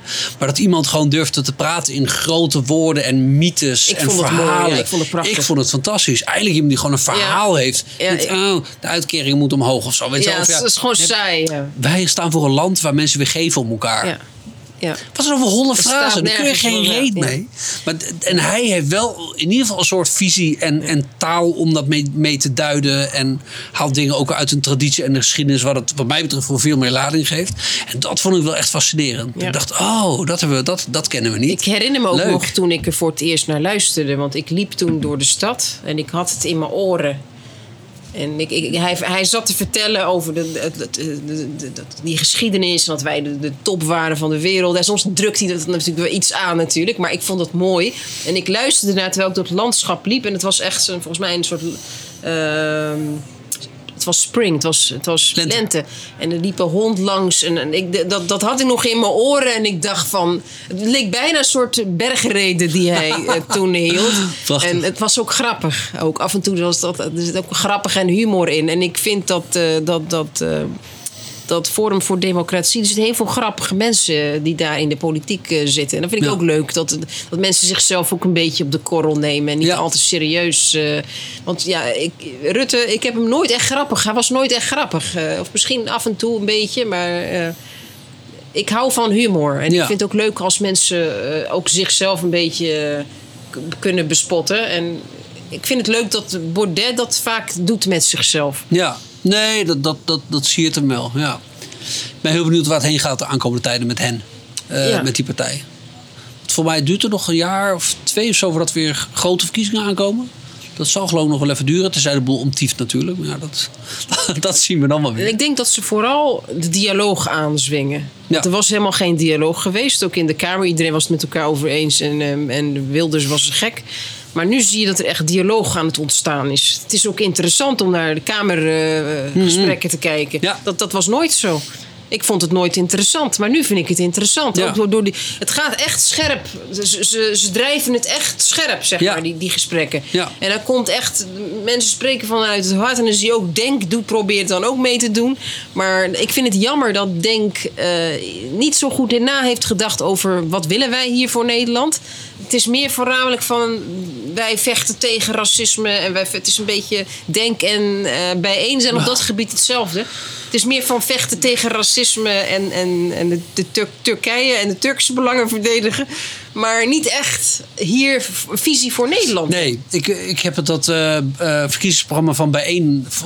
ik denk niet landelijk bestaan ze ook niet eens, toch? Het ging voor mij om de, Ja, het is de Amsterdamse, Amsterdamse ja. Ja, gemeente. ze hebben geen landelijk. Heb ik gelezen. Want ik vind het een, nou niet alleen een stomme club, maar ook eh, echt een gevaarlijke club. Dus ik dacht, eh, know your enemies. Ik ga vind ik wel heel lezen, jammer, want- lezen waarvoor ze staan. En er stond er inderdaad bij het eh, eh, woningen bijvoorbeeld. En dat is natuurlijk best wel een ding in Amsterdam. Laten we wel wezen. Woningnood en de prijzen, weet ik het allemaal. Eh, er stond zoiets als, ja, hierin vertrouwen we dat onze, onze collega-partijen wel een goed plan hebben. En haken daar wel op aan. Of zo.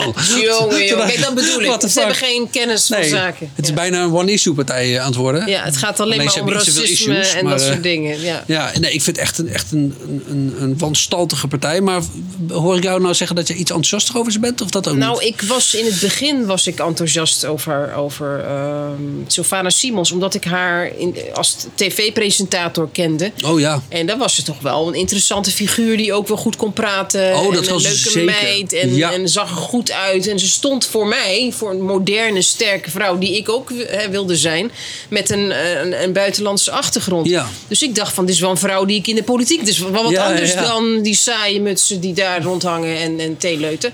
Eh, maar op een gegeven moment begon ze steeds meer zeg maar, te radicaliseren en steeds meer. Dat vind ik jammer. Ik denk dat al zou ze iets, iets uit haar schulp gaan en iets meer denken van oké, ja, weet je. Eh, laat ik even niet meer over racisme hebben, maar over dingen die wel belangrijk zeg maar, zijn. Tuurlijk, racisme bestaat, Ja, ja, maar dan moeten we ook racisme van Nederlanders bespreken. Maar dat doet ze niet. Hè?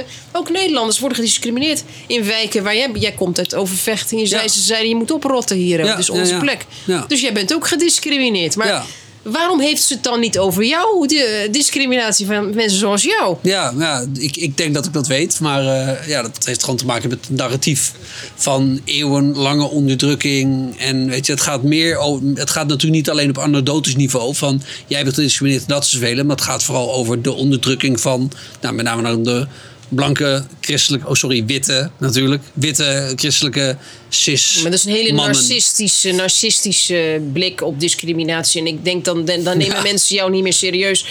Als je het over discriminatie wil hebben, moet je het over alle discriminatie hebben. Ja. En niet alleen maar over wanneer jij gediscrimineerd wordt, want dat is heel kinderachtig. Ja. Dan nemen mensen jou niet serieus. En eh, dat zie ik ook terug in die Zwarte Piet discu- eh, discussie. Eh, Och, tuurlijk, jee. eh, ik, ik vind het elk jaar weer van hetzelfde. Ik, vind het, ik ben opgegroeid met Zwarte Piet. Ja.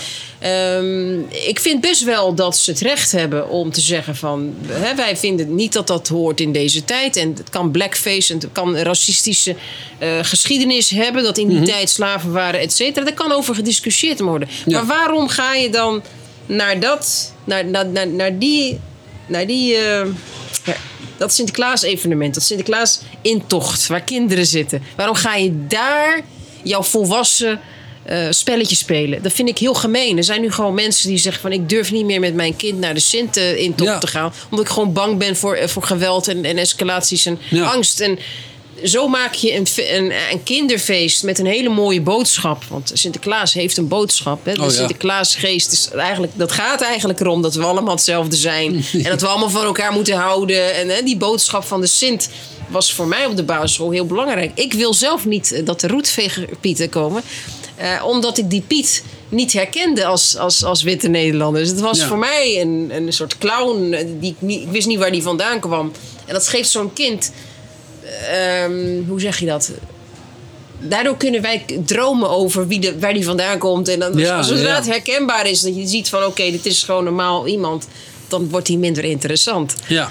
En daar, daar hebben ze het dan niet over. Het is alleen maar over racisme en Zwarte Piet is racisme. Ik weet het nu onderhand wel. Ja, maar ja, ja. eh, laten we het ook dieper trekken. En laten we die kinderen er vooral buiten houden. De- keep it in the spirit of the Sinterklaas. Ja, ja, ja. In de Sinterklaasgeest. Ga niet op dat intocht met jouw borden staan en schreeuwen dat het racisme is. Want zo'n kind begrijpt dat niet. En ik zag een video waarin een klein meisje zat te huilen te- tegen... Die snapte niet wat die mensen daar deden. nee, nee. En ze zat helemaal te huilen en angstig. En haar moeder zat erbij. En, en die mensen waren ijskoud. Ja.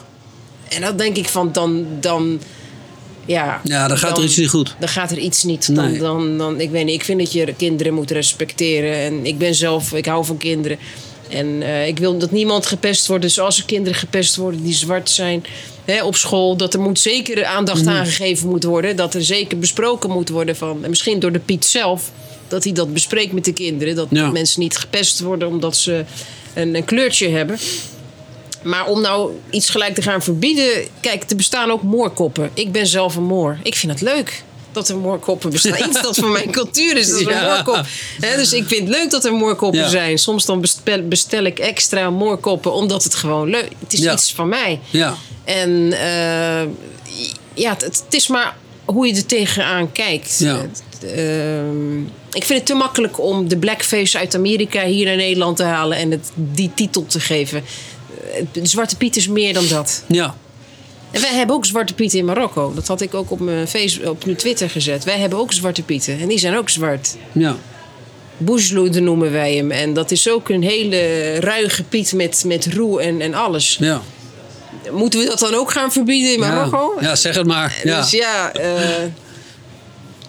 ik hou van tradities en culturen. En, en eh, ik vind niet dat je daar met een moderne bril naar moet kijken. Want dan ga je ook beelden van, eh, weet ik veel, eh, volkshelden verbieden. Ja. En dan En ga mag je... een JP Koentunnel geen Koentunnel meer heten. Ja, die mag niet En, meer heten. ja. Dan, dan moeten ze eigenlijk allemaal Sylvana Simons tunnel heten. Ja. Hoe dat dat gebeurt. Maar, Ja, we mogen ook geen Pim Fortuynstraten meer. Of Ja. Theo van Gogh-straten. Is ook al gevoelig voor iedereen. ja. Kijk, er is nu, dankzij deze mensen, is er nu meer racisme dan een paar jaar geleden. Oh, dat geloof ik ook wel. Eh, Ja. zelfs Ja. ik ben nu af en toe racist geworden. dus eh, dus eh, hun doelen worden niet bereikt. Denk Nee, daar dat, geloof over na. En dat, dat, dat denk vind ik daar jammer. over na. Ja, dat heeft ook te maken met dat voor mij het gesprek gewoon vaak niet op een goed niveau wordt gevoerd. Waar de een alleen inderdaad maar kan roepen: het is racisme, het is racisme. Ken ik ook zat mensen die dan volgens in de kramp schieten en "Huh, we mogen al niks meer en alles wordt ons maar ontnomen Ja, en alles is is kut. Con- continu Het schiet tegen, niet op? niet op. Nee, en dat is, dat is echt heel irritant. En ik heb echt de pleurishekel aan Savannah Simmons beweging. Niet aan haar als mens Ja, hoor. Ik heb die documentaire met haar De gezien. mensen erachter. Ja, ik zag die documentaire die de EO geloof ik over haar had gemaakt. Klopt dat? Volgens mij klopt het wel. Eh, leuke documentaire. Toen dacht ik, oh wat interessant mens. Want het is goed gebekt en gevaarlijk. Eh, dus eh daar moeten Ja, we, ja, nee, daar moeten ze ver mogelijk bij uit de buurt blijven. Want haar gedachtegoed is gewoon echt niet kies. Eh, maar ik vond haar als mens vond ik er echt wel eh, ehm, Wat, fascinerend. vind- wat vind jij niet kies van haar gedachtegoed? Oh, de. ehm, eh, zij, deed, zij, zij zat op een gegeven moment, om een voorbeeldje te noemen. eh, ze zat op een gegeven moment in een uitzending van een soort, eh, ik geloof, Surinaams radiostation ergens in de Belmar. En, moet ik het even goed zeggen, er was iemand die inbelde eh, en die. ehm, het ging in ieder geval over de politiek. En zij deed op een gegeven moment een uitspraak over eh, die persoon in kwestie die zei dat er ook eh, blanken in die partij zaten en hoe dat nou kon. En zijn vader Simmons had gewoon moeten zeggen: Het maakt gereed uit. Het gaat om ideeën. Het zal me jeuken hoe je eruit ziet. Maar zij had het opeens over dat dat niet zoveel uitmaakt. Zolang ze maar voor onze zaak opkwamen. Uh, en ze zei, er zitten ook zwarte mensen bij andere politieke partijen. Uh, die komen ook niet voor onze zaak op. Ze, ze, ze het uiteindelijk op zo'n manier dat ik dacht: oh, dit gaat alleen maar om huidskleur en niet om gedachtegoed. En een andere gevaarlijke uitspraak die ze uiteindelijk heeft gedaan ging rondom het aanbieden van excuses van Amsterdam aan de Surinaamse gemeenschap mm -hmm. voor het slavernijverleden. Yeah. Vind ik sowieso een dom idee, maar zwart. Um, en dan zou je denken, oké, okay, stel dat dat gebeurd is, zijn we er dan vanaf? Nee, zei ze, het is het begin van een proces. en toen dacht ik, oh, maar we weten niet precies hoe dat, hoe dat bijvoorbeeld, verzin het maar, moeten dan alle zwarte, of alle blanken, moeten die dan weg? Er was laatst universiteit. Zei ze dat? Zei ze dat ze dan weg moeten? Wat nee, ze dat nee, nee, uit? maar, maar ik, met- ik ben heel benieuwd wat er dan met dat proces bedoeld wordt. Dus jij vindt die uitspraak beangstigend, omdat het zo open deur is. Van, je weet niet wat ze verder Kijk, als wil. zij excuses wil, dan denk ik, ja, je wil excuses van mensen die er niks hebben gedaan aan mensen die niks hebben meegemaakt. Puur op basis van huidskleur. Maar het gereed uit, want in Jamaica waren ook slaven en er waren genoeg zwarten die hun familie verhandelden. Die Ja, waren ook precies, schuldig. Dus het gaat niet om huidskleur. Als we slavernij een probleem vinden, en dat vinden we gelukkig, dan moeten we met z'n allen erkennen dat dat een probleem is. Maar dat Ja. bleef me hangen. Nee, maar Amsterdam moet excuses maken. Nou, ik vind dat dus in dat opzicht gewoon al dom. Want de excuses worden gewoon waardeloos. Die mensen hebben niks gedaan, die mensen hebben niks meegemaakt en dan ontstaan er toch eens excuses. Maar goed, als die mensen daar dan heel veel waarde aan zouden hechten, dan zou je bijna nog denken: joh, dan bieden toch excuses aan. Want berouw is uitgesproken, intens medeleven. Alles is gezegd om duidelijk te maken dat we dat nooit meer willen en heel erg vinden. Maar het gaat expliciet om die excuses. En als zij dan van, en ik denk dan, ja, wat maakt dat dan uit? Maar dat is hetzelfde beetje met een boete betalen. Daarmee beken je ook schuld. Oké. Eh, ik heb ooit een akkefiets gehad met mijn auto. Eh, mijn auto die, eh, was in beslag genomen. Was in Brussel, was best lastig midden in de nacht. We moesten weer terug. En ehm, ik wilde bezwaar aantekenen, want in mijn ogen en van mijn medereizigers was hij ten onrechte weggesleept. Ja. Nou ja, ik kan bezwaar aantekenen. Het duurt vier weken, weet ik wat allemaal. Ik zei, ja, maar ik moet wel nu de auto mee. Ja, dat kan. Kost zoveel geld. Ik zei, ja, maar dan wil ik wel alsnog bezwaar aan kunnen tekenen. Ja. ja, maar dat kan dus niet. Want op het moment dat je betaalt, zeg je... ja, ik ben schuldig en daarom betaal ik. Ja. Dus in dat licht denk ik, als wij excuses aanbieden... en Sylvana Simons zegt vervolgens... ah, dit is het begin van een proces. Ja. Want nu hebben jullie sorry gezegd, dus het is jullie schuld. Geen idee waar dat heen kan leiden. En als Waar er ben dan... je het meest bang voor? Dat er daar dan, waar, waar ben je dan dat je denkt van, die vind ik eng. Dit- Nou ja, kijk, in concreto denk ik niet snel dat het heel uit de, uit de, uit de band gaat springen. Maar goed, we hebben eh, eh, genoeg ervaring in de vorige eeuw meegemaakt van grote clubs mensen. En of dat nou Joden waren of eh, de rijke boeren in de Oekraïne bijvoorbeeld. Ik bedoel, de rijke boeren in de Oekraïne, dat weten wij de mensen. Er zijn ook gewoon 6 miljoen van over de klink gejaagd. Jij bent echt bang voor geweld. Dat als zodra excuses aanbiedt, dat daarna zeggen ze: Oké, dus jullie hebben het gedaan, dus nu volgt het Nou, geweld. eh, in ieder geval eh, de schuld. Op het moment dat Amsterdam excuses aanbiedt. En ik zou niet weten namens wie ze dat dan precies doen. Want ja, wat is dan Amsterdam? Is dat de gemeenteraad of alle Amsterdammers? Verzin het Mhm. maar. Maar die maak je dan dus schuldig. Dus als die mensen zeggen: Oké, het is jullie schuld. En we kijken nu naar de cijfers. En eh, zwarte Amsterdammers verdienen gemiddeld 15% minder. Oh, die moeten een toelage krijgen op grond van huidskleur. en dan bij de Verenigde Naties afdwingen en dat soort dingen. bedoel je? Verzin het maar. Eh, ge- Geen idee waar het heen kan gaan. En nogmaals, ik ben niet per se bang dat over twintig jaar er weer goelags eh, zijn met, eh, met, met blanke boeren. Ja, ja, ja, dat, Weet je, en in Zuid-Afrika gaat het natuurlijk ook al Ja, aardig, daar heb ik van gehoord. Die worden gewoon Gaat uitgemoord. ook niet goed. Weet je. En nogmaals, ik denk dus niet dat het in concreto snel echt die kant op zou gaan. Ik verwacht geen burgeroorlog en machetes en weet ik wat voor bullshit allemaal. Ehm, maar conceptueel klopt het al gewoon niet. Ja. Nou, ik denk dat we moeten beginnen. Want ik heb, ik heb daar ik heb meegelopen. Iets van 15 jaar geleden heb ik meegelopen met Ketty Kotti eh, Ja. eh, optochten. Ik heb Sylvana daar niet gezien overigens. Ik Oh. weet niet waar ze toen was. Misschien was ze met andere dingen bezig. Maar eh, ik liep elk jaar mee. En het waren vooral oude dames die dat deden. Er waren helemaal geen, ik zag geen Quincy Gario daar rondlopen. Ik, het waren weinig mannen. Het waren voornamelijk oude dames die die traditie hadden van we herdenken Ketty Kotti, de slavernij. En daarna herdenken ze de bevrijding van Ja. de slavernij. Waren twee dagen. Ja. Ook in de, in de Pauluskerk werd het herdacht. Ehm, en het, gaat echt over mensenlevens. Het is niet zo lang geleden. Hè. Het, eh, ik sprak met een vrouw, die had ik geïnterviewd op dat moment. Die was 50. En die zei van, ik ben opgevoed door mijn oma. En die was als slaaf geboren. Dus ik weet als geen ander hoe dat, Het is niet zo lang geleden. Het, is, het is heel kort geleden. En ehm, het is heel complex. Ik, ik, er is ook eh, een boek eh, jaren terug uitgegeven, Neger Jood in, in Vaderland. Dat is een door een, een eh, zwarte Joodse dame geschreven. Die dat complexe verhaal van de slavernij uitlegde. Want er waren op een gegeven moment in Suriname ook zwarte slaven die lichtere gekleurdere slaven hielden. Dus het gaat, Ja. snap je? Er waren, dat waren dochters van eh, waarschijnlijk verkrachte slavinnen. Die waren gewoon blank eigenlijk. Maar die werden als slaaf gehouden door een veel donkerdere slaaf. Dus, snap je? Zo complex is die slavernij. Dus wie heeft schuld? Wie het, is, Ja. het is heel een, een- het is een, een dark page. Maar ik denk dat, dat als we het over slavernij willen hebben... moeten we het over, vooral over moderne slavernij hebben. Ja. Wat gebeurt er nu? Amen. Als, je Gelijk. echt, als je echt tegen slavernij bent, dan moet jij geen chocola meer kopen. Nee. Die niet Max Havelaar is. En ik vraag me af hoeveel van deze mensen die zo vechten voor die, tegen die slavernij, hoeveel van die mensen echt bewust tegen slavernij zijn in hun kleding kopen, Ja. in hun eh, manier van kopen, in hun, want er zijn nu volgens mij meer slaven dan toen ooit Ja, zeker. geweest zijn. Ja. De moderne tijd heeft meer slaven, maar die zien wij niet. Nee. Want die zitten in, in Afrika, eh, kinderen worden, worden ingezet. Bangladesh en, eh, En Bangladesh, India, die worden gewoon echt als slaven verkocht en, en gehouden. En die maken producten voor ons. Ja. En ga het dan daarover hebben. Hè? Als je echt over de slavernij doet. En tuurlijk, die geschiedenis moet besproken worden. Maar Sure, niet op die manier. sure. Hè? Niet op die manier van je, jij bent fout en jij bent wit, dus jij moet betalen. We moeten het eigenlijk.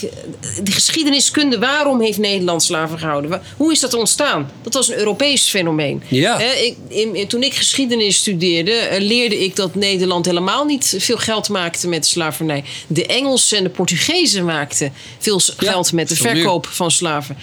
Ehm, wij maakten ons geld vooral met de VOC en de handel in, in, in Azië. Daar, maar, daar kwam onze eh, maar, eh, rijkdom vandaan. En natuurlijk waren er wel slaven, eh, maar ehm, dat is echt een probleem van de mensen in, in Suriname zelf. En ik denk dat daar nog steeds de, samenleving nog steeds gebaseerd is op die standen. hè. Want je hebt daar nog steeds de bosnegers die daar de, hè, de, de invallen doen, de boel bestelen en weer teruggaan naar de bossen. Maar dat zijn bevrijde slaven. Ja. En ik, ik, ik, ik vind het intrigerend, dat, het verhaal. En ik vind ook mooi om, ehm, om het bes- te bespreken. Eh, ik vind het fijn dat er nu eindelijk aandacht aan wordt besteed. Want toen ik zeg maar eh, studeerde in Rotterdam, was er helemaal geen interesse in slavernij verneden en zo. Maar de manier waarop nu de interesse ontstaat, is een hele negatieve manier. Ja. En dan van hè, jij bent fout of jij bent goed manier. En dat vind ik niet, niet prettig. Want ik zie al aan jou al dat je bedreigd voelt. En je denkt van wat, wat gaat er nu gebeuren? En Ja, dat ja. ze geweld gaan inzetten. Dat, ik, je kan dat denken. Want hè, nu zijn het nog minderheden. Maar stel je voor dat het de meerderheid wordt. Ja. En dat jij je macht verliest. En dat zij dan wat anders gaan doen. En het, en het gaat überhaupt om een luidruchtige minderheid die al heel veel van elkaar kan krijgen als ze eenmaal de juridische werkelijkheid achter zich krijgen. Pre- Precies. Neem de TU in Eindhoven. Die uiteindelijk hebben bepaald, oh, er zitten wel te weinig vrouwen aan de top. Oh, er komen ook te weinig vrouwen aan de top. Weet je wat? We nemen de aankomende jaren gewoon geen mannen meer aan. Ja. Wat de fuck is dit dan? Dat is niet de oplossing. Ze- ja, oplossing. Ze lossen het niet op op die manier. Nee, Ik- ik dat heb is wel- hetzelfde. Dat zei, en dat zei ik in de vorige aflevering ook al. Dus wie dit luistert, die zal waarschijnlijk eh, het herinneren. Maar stel je nou voor dat de blokker binnenkort zegt... we nemen de komende twee jaar geen zwarte meer aan. Ja. Dan, dan is de, breekt de hel los. Dan, dan breekt toch ook de pleuris uit. Maar waarom breekt nu niet de pleuris uit bij de TU? Ja, maar als je zo denkt, dan ga je ook zeggen van... Hè, wat is de volgende stap? We nemen zo, niet meer zoveel witte aan. Want witte zitten ook meer eh, in, de machtsposities. We nemen niet meer zoveel... eh, dus Ja. we nemen alleen maar gehandicapten aan Precies. keer. En, want, en waar stopt dit dan? waar houdt het Weet op? je wel? Want jij bent wat langer. Jij bent wat mooier. Jij hebt mooie borsten. en Jij hebt gelukkige ouders. En die van jou zijn Het niet lost het gescheiden. probleem en, niet op. Want het, het probleem is eigenlijk dat die mannen van. Begin af aan... zitten ze al in de juiste circuitjes. En de juiste, hebben de juiste informatie, de juiste kennis. Misschien ook aangeboren eh, dingen. Mhm. Wij moeten echt onderzoek doen naar hoe komt dat... dat die mannen in die toppositie zitten. Ja. En daarna gaan kijken van hoe kunnen wij vrouwen van jongs af aan dat zij daar ook in kunnen zitten. Want die mannen, ik, ik heb onderzoek gedaan naar Einstein en hoe hij zeg maar die geniaal is geworden. Dat begon al in zijn kindertijd. Dat hij bij zijn vader in de fabriek zat en, en zag hoe, hoe die machines werkten. En een vader die hem een cadeautje gaf als een passer en dat hij daar gefascineerd door raakte. hij, hij zat in dat milieu. Ja. En waarschijnlijk, die mannen komen ook uit dat soort milieus. Ik kom ook mannen tegen die zeggen van ja, ik ben een whiskit. Dan zeg ik, nou, dat geloof ik niet zo van. Waar kom je, wat, wat, waar, wat voor familie kom jij? Dan zegt hij, ja, maar mijn vader is professor wiskunde en mijn moeder is professor. Snap je? Dus dat, dat Ja. zit er al in. En eh, ik, ik ben als Marokkaans kindje opgevoed. En ehm, ik had niet zo die, die mogelijkheden om dingen hè, te onderzoeken. Misschien had ik die invloeden. Dan had ik ook die wiskundige knobbel Ja. gehad. En was ik ook... Het, het is maar waar je in terecht komt als kind. En, Ja, ook, eh, ja. En daar moeten we onderzoek naar doen. En natuurlijk de biologische verschillen eh, die er zijn, ook accepteren van wat ze zijn. Dat- Ja, dat- want vrouwen kunnen ook andere dingen eh, gemiddeld beter Ja. dan mannen. En, Ja, maar het heeft ook met interesse te maken. Het is bijvoorbeeld heel erg bekend dat vrouwen meer geïnteresseerd zijn in mensen en mannen meer geïnteresseerd zijn in dingen. Over het algemeen. En daarom vind je in de zorg bijvoorbeeld veel meer vrouwen. En in. eh, ik, ik werk zelf bij een, bij een webbureau. Vooral mannen. Mhm. Ja. En dat is ook iets wat vaak niet onderkend wordt. Dan denk ik, ja, waarom werken er zo weinig vrouwen in, eh, eh, weet je wel, in Ook in de fabrieken, hè, ja, precies, en bouw stratenmakers. en ja, weet je, is, is dat alleen maar discriminatie? Of is dat gewoon een kwestie van interesse en... Weet je, eh, wederom, ik heb het altijd over gemiddelde natuurlijk. dat, dat mannen en vrouwen gewoon anders in elkaar zitten wat dat Mhm. Maar betreft. ik denk wel dat het curriculum dat er nu is eh, aan exacte vakken. Ik, ik, ik, het zou vrouwvriendelijker voor mij gemogen. Want eh, ik, ik ben zelf meer.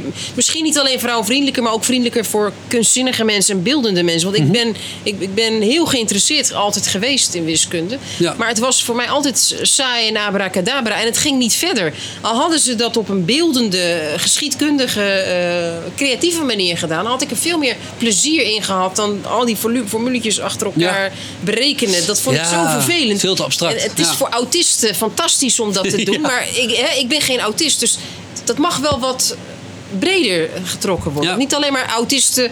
Eh, sommetjes maken voor autisten. Het mag ook dat er meer zeg maar, mensen inkomen vanuit de kunst. Vanuit, Ja, en meer verhalend ook. ja. Dat vond ik het leuke aan aardrijkskunde. Mijn eerste opleiding was leraar aardrijkskunde. Ik kwam van de HAVO waarvan ik dacht, ik wil leraar aardrijkskunde worden. Ik vind aardrijkskunde fantastisch. Maar het is, het is best wel wetenschappelijk. En het gaat Mhm. ook weet je, over geologie en eh, demografie. En je moet best kunnen rekenen en afstanden en bollingen. Weet ik wat allemaal. Mhm. Dus er zit best wel veel in.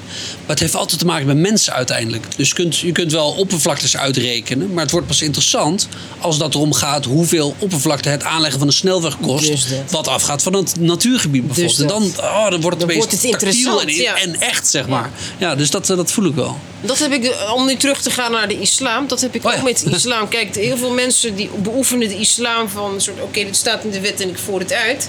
Maar ik heb altijd al gezocht naar een, een wat organische islam, die vanuit mij gaat, die vanuit Mhm. Ja. mijn zoeken gaat, die vanuit mijn eh, zoeken naar de waarheid gaan. Eh, Ik heb al heel veel jong gelezen eh, in mij. Ik heb al Oh, zijn boeken gelezen. Oh, wauw. En ik probeerde de islam aan de hand van Jong te begrijpen en, en, en te, te analyseren. En ik, ik, heb stapels boeken aan dromenanalyses gedaan. En ik droomde ook over Mekka en over hoe ik zeg maar de- ja, God zocht of dat soort dingen. En ehm, ik denk dat ik daardoor misschien een wat organischere islam heb gevormd voor mezelf. Die wat meer menselijk is dan eh, misschien menige moskee-imam heeft gedaan. Ja. Ik denk dat ik het ergens ook wel snap. Ik ben zelf christen, eh, maar volgens sommige christenen niet. Eh, omdat ik soms andere woorden gebruik of andere uitleggen heb van dingen waarvan men zegt: ja, maar dat zit gewoon zus of zo. Want dat zijn woorden die de traditie gebruikt of inzichten die Maar uit de traditie werd ook, geen, werd ook een afvallige genoemd in zijn tijd. Hè? Dus, dus ik bevind me in goed gezelschap. Je, zit, je bevindt je in goed gezelschap. Dus, dat, eh, dus er, ergens snap ik, nee, ik weet niet of ik het snap, maar denk ik een beetje te, aan te voelen waar jouw ehm, positie ligt wat dat betreft. En het is altijd, ehm, het is altijd zoeken. Ja. Weet je wel? Ja, Eh, het zit bij mij niet vast. Ik, ik zoek altijd. Ja. Mooi. hey, laatste puntje. Want je noemde jezelf ook feminist volgens mij. Dat vond ik wel interessant. Wat betekent dat voor jou? Want dat, dat is ook een term die je tegenwoordig veel hoort. Ja. Maar heel weinig vrouwen noemen zichzelf tegenwoordig feminist.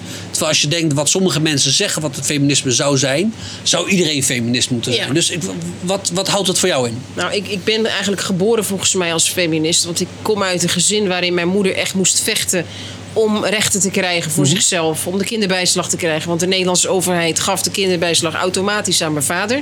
Want die werd door de zeg maar, linkse kerk gezien als de vertegenwoordiger van de familie. maar mijn moeder heeft dankzij haar vriendinnen echt gevochten van... eh, ik wil die kinderbijslag krijgen. Want die, die man, die, mijn vader, die, kocht, die betaalde dus rekeningen daarmee. Ja. Mijn moeder zorgde echt voor de kinderen. Dus die heeft echt gevochten om die kinderbijslag te krijgen. Heeft ervoor gevochten om mij naar school te sturen. Want mijn vader dacht van, nou, ze is nog niet oud genoeg. Laat haar lekker thuis zitten.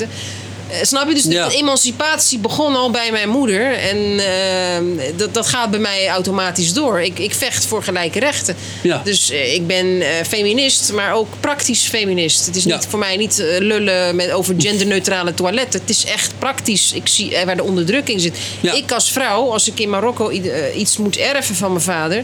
Dat, dat ga, of van mijn opa... dan krijg ik de helft van wat mijn broers krijgen. De helft. Ja, Dus ik ben in Marokko eh, niet gelijk aan mijn eh, jongste broertje. nee.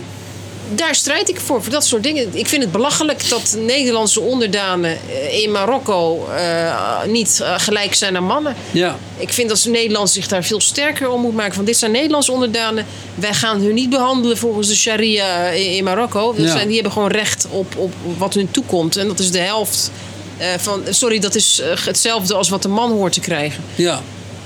Dat zijn dingen waar ik altijd voor heb gevochten. En ik, ik, ik ga niet vechten voor een genderneutrale toilet. En, en dat, ik, dat de roze dat, eh, niet meer voor jongens is. En dat, ik vind dat een soort ehm, absurde decadentie die dan aan het ontstaan is binnen de intellectuele feministische hoek. Ja. Die ik absoluut niet eh, eh, omarm. En ehm, ik word ook niet geholpen door feministen. Ik word echt geholpen door, door mensen die luisteren naar mijn zaak en mij een goed hart eh, toedragen. En dat zijn mannen, eh, af en toe af, ook vrouwen, maar niet zozeer de feministen. Nee. Ik zit niet in de opzij. Hè? Ik, zit ook niet in, eh, ik word ook niet geïnterviewd door feministische interviews. Ik zit niet bij Jinek aan tafel. Nee, maar waarom vinden ze jou dan zo lastig? Want als je dan toch opkomt voor vrouwen wereldwijd, dan zou je toch denken, dan word je met open armen ontvangen. Ik, dat moet je aan hun vragen. Ik weet niet wat zij lastig eh, eraan vinden. Ik, ik was door eh, Chris eh, Clown, hoe heet hij ook alweer? Chris nog wat? Chris Klomp. Dus een bekende AD. Oh, die zie ik op. Twitter wel eens voorbij Ja, komen, die- geloof die ik. Twitter, die, Ja. die heeft mij uitgemaakt voor neppibaam. En al zijn volgers die beamen dat dan. En dan ben ik de neppibaam. Omdat, en dat, dat, dat kwam uit het niets. Dat, het, het- het- toen ik Vierduk noemde, was het alsof hij een la- rood lap voor zijn gezicht had.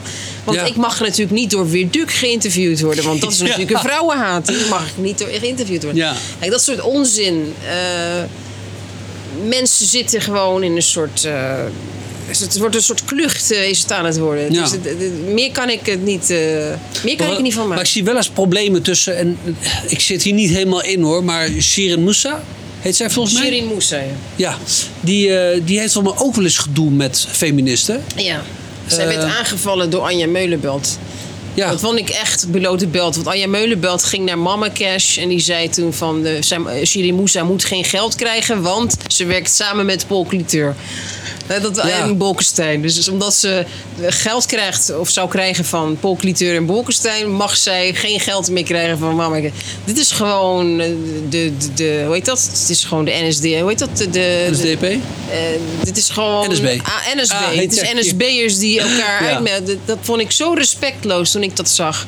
En dat, dat, dat, dat is absoluut tegen het feminisme. Eh, Als feminist vecht ik voor Shirin Moussa de rechten. Voor Anja Meulenbelt de rechten. Voor iedereen de rechten. Ik ga niet zeggen van... jij hebt geld gekregen van die, dus jij bent fout. Dus jij mag geen geld krijgen. Dat is gewoon neerkijken op, op, op haar en haar strijd. Ja, maar heeft dat dan te maken met verschillende denkbeelden, bijvoorbeeld over de islam?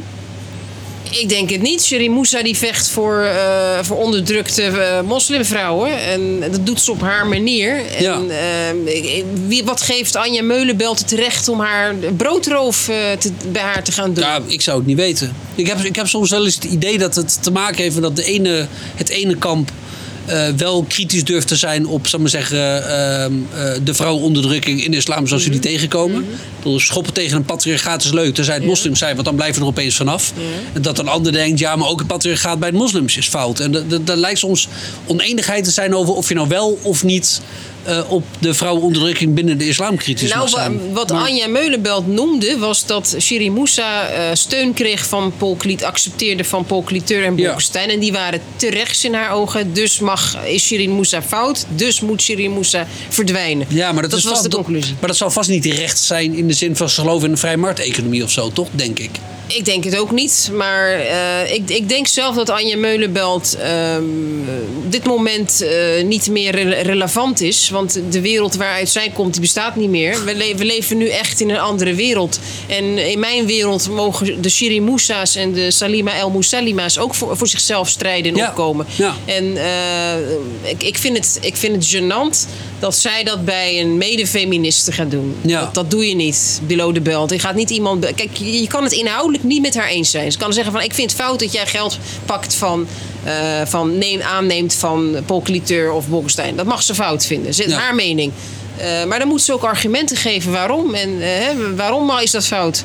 Ja. Paul Cliteur die vecht ook voor vrouwen. Waarom mag, mag zij niet voor, van Paul Cliteur geld aannemen? Als, als jij voor iets vecht dat belangrijk is, dan neem je van iedereen geld aan. Ja, die voor de jou goede steunt. zaak is, dan doe je dat, ja. dat betekent niet dat, dat die persoon macht over haar heeft. Hij steunt dat deel Ja. van wat zij doet. Dus, ehm, en ik denk, ik denk niet dat Shiri Moussa de keuze heeft om dingen af te wijzen. Ik denk dat zij nu echt aan het eh, streetfighten is om, om haar organisatie op poten te krijgen. Ja. En als links haar niet helpt, en ik, ik zie nu ook dat links mij niet helpt. Dus ik ben ook nu gedwongen om bij eh, mijn mannen en vaak rechtse mannen aan tafel te zitten. Zoals in dit geval. Zoals in dit geval, omdat Ja. links mij niet helpt. Ja. Dus ik snap Shirin Moussa als geen ander dat zij eh, steun eh, accepteert van Bolkestein Ja. of wat dan ook. Ehm, omdat er gewoon aan links geen steun is. En ik denk echt dat, ehm, dat het heel jammer is. En dat, dat, dat de Anja Meulenbelt echt in de spiegel moeten gaan kijken van... Wie ben jij nou eigenlijk? Ja. Ben jij echt een solidair en ben je echt een feminist? Of ben jij dat alleen wanneer het jou uitkomt en wanneer jouw belangen daarin eh, uitkomen? Ja. Want eh, Anja Meulenbelt die heeft er geld aan verdiend, die heeft boeken verkocht en dat soort dingen. En dat geld. eh, ik heb verhalen gehoord dat ze vreemd ging met, met de man van, waarmee ze samenwerkte. Of dat schreef ze in haar boek. Dat ze vreemd ging met de man waarmee ze samenwerkte om in Gaza mensen te helpen. Dus zij ging daar in het hotel dat, dat, dat, dat, dat zeg maar, mensen voor haar betaalden om daar goede werken te gaan doen. Nee, ze zat ze daar met een man eh, dingen vreemde. Dan ben je niet solidair als je dat Nee. gaat doen. Dus ik, ik zie al aan haar handelen dat ze niet solidair is naar een moslimvrouw. Als jij solidair bent, dan ga je niet met de man van iemand anders naar bed zonder dat die vrouw dat weet. Ja. Dan ben je niet solidair. Nee. Dus eh, als je solidair bent, dan ga je niet de enige feministe die in Nederland eh, met een moslimachtergrond een grote stem heeft, eh, achter de deur om haar, haar brood Ja. eh, roven. Dat ga je niet doen. Nee. Dus ik geloof niet in, in, de, in de feminisme van Anja Meulenbelt. Nee. En dus ook niet in het feminisme van, van, van de mensen die, die haar beweging steunen en omarmen. Ik was daar één van, helaas. Want ik heb heel lang was Anja Meulenbelt voor mij een heldin van Hmm. Ja. zeg maar, feminisme. Maar nu niet meer. Oké. Want ik zie dat het niet gaat om een moslimvrouw, maar om haar. Ja. En niet om de moslimvrouw. Nee. En, eh, ja. ik, ik en Shirin Moussa eh, gaan ook niet altijd over één deur. Want ik heb ook kritiek op haar. Maar ik steun haar initiatieven. En ik, eh, waar, waar ik iets goeds over haar kan zeggen, zeg ik dat. Ja. En dat moet, onze onderlinge meningsverschillen moeten niet eh, solidariteit eh, in de weg zitten. En Nee. dat is helaas in het feminisme vaak zo. Dat iets, als je het niet mee eens bent met iets, dan ga je ook die persoon niet meer steunen. Nee. En er zijn heel wat feministen vinden het niet fijn dat ik een positief artikel over Baudet schreef. En die steunen mij daar ook niet meer. Want dat is dan, en dat is dan echt de laatste vraag voordat we naar de kaartjes gaan. Dat is een Ja. vraag van een eh, eh, luisteraar. Ja. Nee, zij wordt luisteraar als het goed is. Want ik heb beloofd deze vraag te stellen. Want ehm, dat jij als moslim, ehm, ik, ik zeg maar even fan bent, van Vorm voor Democratie, Ja. eh, vindt ze tot daar aan toe. Hè, dat, dat kon nog door de beugel. maar dat jij toch als vrouw enthousiast was over Forum voor Democratie. Ja. Dat kon er bij haar toch Ook echt niet in. En die moest ik dan toch echt maar even aan jou stellen, want zij snapte er geen hout van. Oké. Dus als je die nog eh, kort in een paar minuutjes kan eh, toelichten, dan, nou. eh, dan sluiten we mooi af volgens mij. ik denk dat Baudet de, de vrouw heel hoog heeft zitten. En, en haar zeker als gelijke, of misschien wel als superieur ziet. Mhm. Anders had hij haar niet zo kritisch eh, eh, zeg maar, over haar kunnen zijn. Als jij, als jij de vrouw niet interessant vindt, dan ga je niet zeggen van... nou, misschien ben jij als vrouw, loop je achter omdat je liever huisvrouw wil worden... Hè, of omdat je liever parttime wil werken dan echt eh, 70, 80 uur per week eh, wil gaan werken. Dat zijn argumenten die hij geeft. En hij zegt, don't kill the messenger. Hè? Hij geeft, reageer op de argumenten. Ga niet Ja. zeggen van hij haat vrouwen. Absoluut niet. Hij is gewoon kritisch over het, het verhaal dat vrouwen onderdrukt hè, zouden zijn. Ja. Want misschien dat hij vrouwen zelfs superieur ziet. ja, Veel, veel, veel machtiger dan mannen. ja. Zeker vrouwen hier in Nederland. Ja, dat is grappig. Want ook, ook dat zei Anthony Ruitenbeek, mijn vorige gast. Die inderdaad ook zei: van, ja, vrouwen mogen in de katholieke kerk geen formele rol vervullen. als het gaat om de. eh, wat is ook weer? priesters en. Nou, nog zoiets. Ik zit niet in de katholieke kerk, dus ik weet dat niet precies. Maar die inderdaad ook zei: ja, dat heeft juist meer mee te maken dat mannen ingebonden moeten worden. Zodat de vrouwen veel meer tot bloei kunnen komen. Want mannen kunnen wat onbehouden zijn. Wat, dus die Ik, moeten, ik denk zelf dat vrouwen superieur zijn. We hoeven de mannen niet eh, in te binden. We, we zijn sterker dan mannen, geestelijk. Hè? Misschien hebben mannen meer kracht in hun lichaam. Maar Mhm. geestelijk zijn vrouwen bewezen. Dit is gewoon wetenschap. Zijn wij gewoon veel flexibeler en sterker. En creatiever ook. hè. Vrouwen zijn veel creatiever en kunnen ook op hele andere manieren problemen oplossen dan Ja. mannen. En daarom ben ik er ook een voorstander van vrouwelijk leiderschap. Eh, Ja. Omdat vrouwen echt eigenschappen hebben die mannen niet hebben. Misschien zijn wij ook emotioneler, maar emotie is ook een kracht. Absoluut, Hè, want ja. eh, via je gevoel en gut instinct kun je veel meer weten dan alleen maar op basis van berekeningetjes in je hoofd. Ja, zeker. Ik heb een keer gelachen om de opzij. Ik zat bij de tandarts en daar lees je hem dan nog wel eens, want daar ligt hij. en er was inderdaad een heel artikel van iemand die het toch belachelijk vond dat er ooit nog werd beweerd dat mannen en vrouwen anders zouden zijn. Qua brein of qua denken of interesse. Nee, ze waren exact hetzelfde. Nou, Dat was dan toch wel echt heel erg belangrijk. Nou, prima. Ik lees dat dan en denk, nou, dat zal wel, dat vindt zij. Vervolgens laat ik de bladzijde om en staat er een interview met een topvrouw bij KLM of zo, geloof ik. Met een heel verhaal over hoe juist haar specifiek vrouwelijke kwaliteiten iets konden bijdragen. en dat ze juist anders denkt dan mannen. Ze slaan nog een keer terug, ik sla nog een keer om. Ja, ik dus denk, ja, dat. wel, welke van de- deze twee is het nou? Weet je wel? En misschien allebei. Ik, ik weet het ook niet. We vullen elkaar gewoon aardig aan. Precies, we is- moeten er gewoon opzij niet lezen. Misschien is dat het beste. Hey, ehm, ik ga de kaartenbak opentrekken. Eh, antwoord zo lang, kort en eerlijk als je zelf wil. Ehm, ik ben heel benieuwd. Ik ook. Ze zijn nooit heel spannend hoor, dus dat scheelt. Eh, ik denk dat ik een vermoeden heb, maar welke plek op aarde wil jij zonder meer nog bezoeken? Welke plek op aarde ik zonder meer wil bezoeken? Ik denk alle uithoeken van Nederland. Oké. Alle, als ik, alle, want ik, ik, ik zeg wel dat ik Nederland ken, maar soms dan kom ik in een plek terecht dat ik denk: is dit Nederland?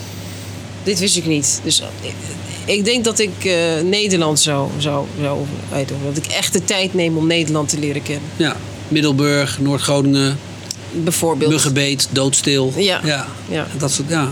dat ik echt de cultuur leer kennen. Want ik, ik, ik, ik, ik heb een filmpje gezien over Sinterklaas, hoe die in bepaalde streken nog gevierd wordt. Het was heel ruig en met de stokken en de vrouwen werden geslagen. en dat soort dingen. Ik dacht, hier, dit wil ik wel meemaken natuurlijk. Ja. Dus dat, ik, ik, ik denk dat er wel iets is in Nederland dat ik eh, nog niet ken en zou willen ontdekken. ja. Maar dat, dat, ik ben bang dat ik dat nooit zou doen, omdat ik toch denk van, nou, ik zit hier al, ik ga Ja. naar, naar, een- naar een ander land toe. Maar ik hoop dat ik dat wel ga doen een keer. Dat Ja. ik echt hier eh, leer kennen hoe dat hier is. En Hedge? Mekka? Hajj Mekka. Het zou fijn zijn als ik hier in Nederland een plek zou vinden waar ik hard zou kunnen doen. Dat ik niet naar Mekka hoef te gaan. Want het is daar een soort attractiepark aan het worden. Het is druk hè? Ja, ik ben er nooit geweest ja, mag als niet eens. Iedere maar... moslim, want dat, waarschijnlijk gaat dat gebeuren, die, dat iedere moslim vervoer kan betalen. Want heel lang geleden ging bijna niemand naar Mekka. Dat was alleen voor de uiterst rijken, Mhm. konden die reis betalen. En het duurde ook heel lang, maar nu kan iedereen, dus de vroege vliegtuigen. Mekka is dankzij toerisme kapot gemaakt. Al die, Hmm.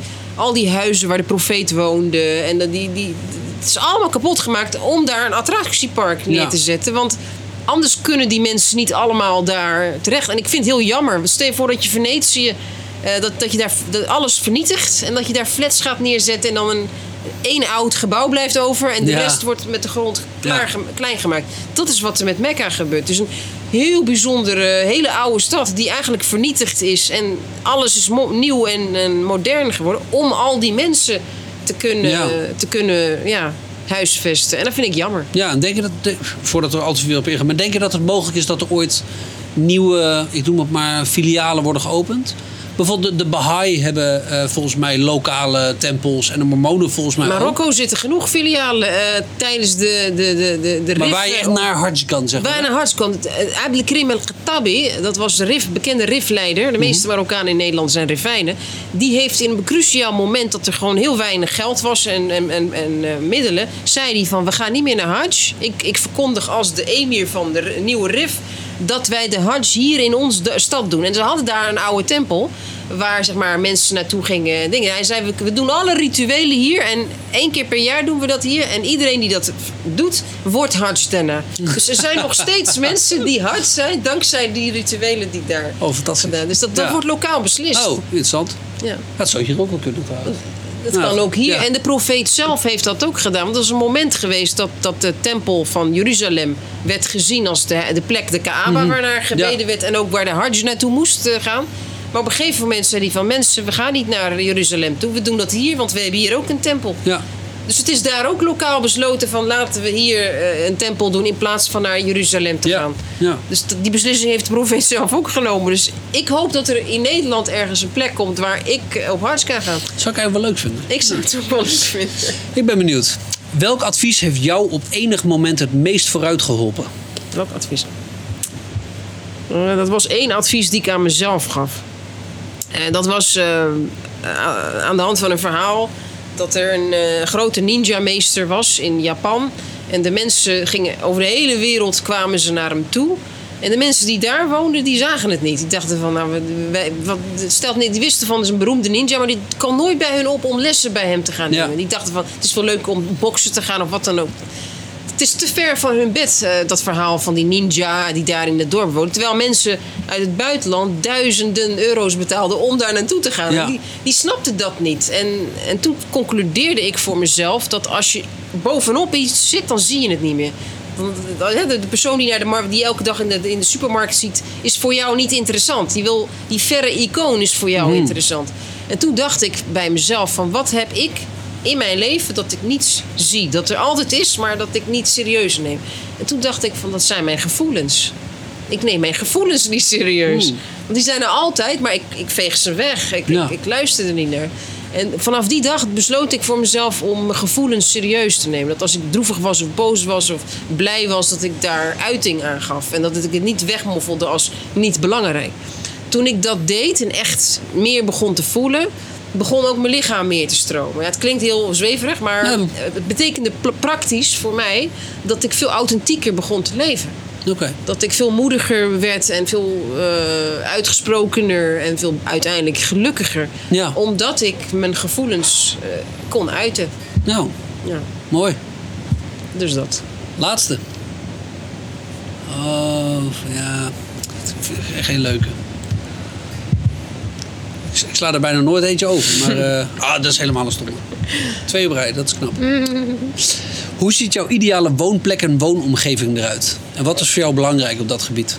Dat is een moeilijke, een ideale woonplek. Dat lijkt me heel vervelend als ik die eenmaal heb gevonden. Ja, niks meer om voor te, voor te gaan. Nou, dat was, ik denk dat ik dan eh, ga naar een hele bekende een boek waar ik in nu zit te lezen van een, eh, een, eh, de, de enige bekende diva die in Hollywood het gemaakt heeft, Nederlandse actrice.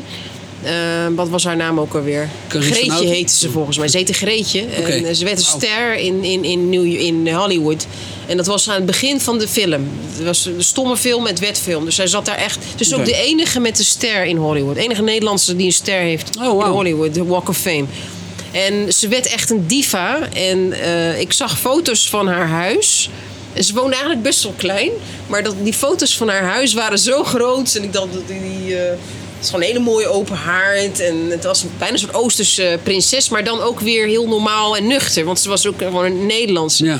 En toen ik dat zag en haar tuintje dat ze had en zo, dacht ik van ja, zo wil ik wel wonen. Maakt niks uit waar, maar zo, dat huis wil ik wel hebben. Oké, dus Greetje uit Hollywood. Ja, Haar huis. ja. Oké. Nou, we gaan het allemaal googlen als we dit horen. Ik ben heel benieuwd. Ik stuur je wel de, de foto, want het zit in een boek. Ik weet niet of, de, of daar op internet, eh, waarschijnlijk wel hoor, maar... eh, Ja, er is best wel veel te vinden op internet voor. Ja, dus zij is voor mij wel de diva waar ik naar streef. En zij heeft zichzelf echt gemaakt. Ze kwam uit Amsterdam, eh, uit een Joods eh, familie met orthodox. vader was diamantslijper. En ze wilde gewoon dat leven niet leiden, dat, Nee. dat onderdrukte Joodse leven in Amsterdam. En toen dacht ze van, ik, ik neem een enkeltje. En ze ging in die bekende Rotterdamse eh, New York-lijn. Eh, Rotterdam-New York. En ze vertrok. En ze, ze, ze deed zich voor als een Française uit, uit, eh, uit Parijs, die uit Versailles komt. En ze sprak met allerlei gekke accenten. En ze maakte hele gekke jurken voor zichzelf, waarmee ze bekend werd in de ballrooms. Ze zeiden, wie is die vrouw? En dat ze dachten, dat is een van de prinsessen uit het buitenland. En, en ja, ze, ze heeft zichzelf een soort tot een mythische persoon gevormd. Terwijl ze gewoon een hele nuchtere, hardwerkende Nederlandse was, die uiteindelijk eh, ja, het heeft gemaakt in. Amerika. Oh. Ja. Interessant. Ik ga het opzoeken. Ja, hey, dank wel voor je tijd. Ik vond alsjeblieft. het interessant om eh, je te ontmoeten en je verhaal te horen. Dank je wel. Ehm, en eh, succes met alle dingen die je nog gaat doen. Merci. We komen elkaar nog wel tegen. Ik denk het wel. Dankjewel. Doei. Assalamu alaikum.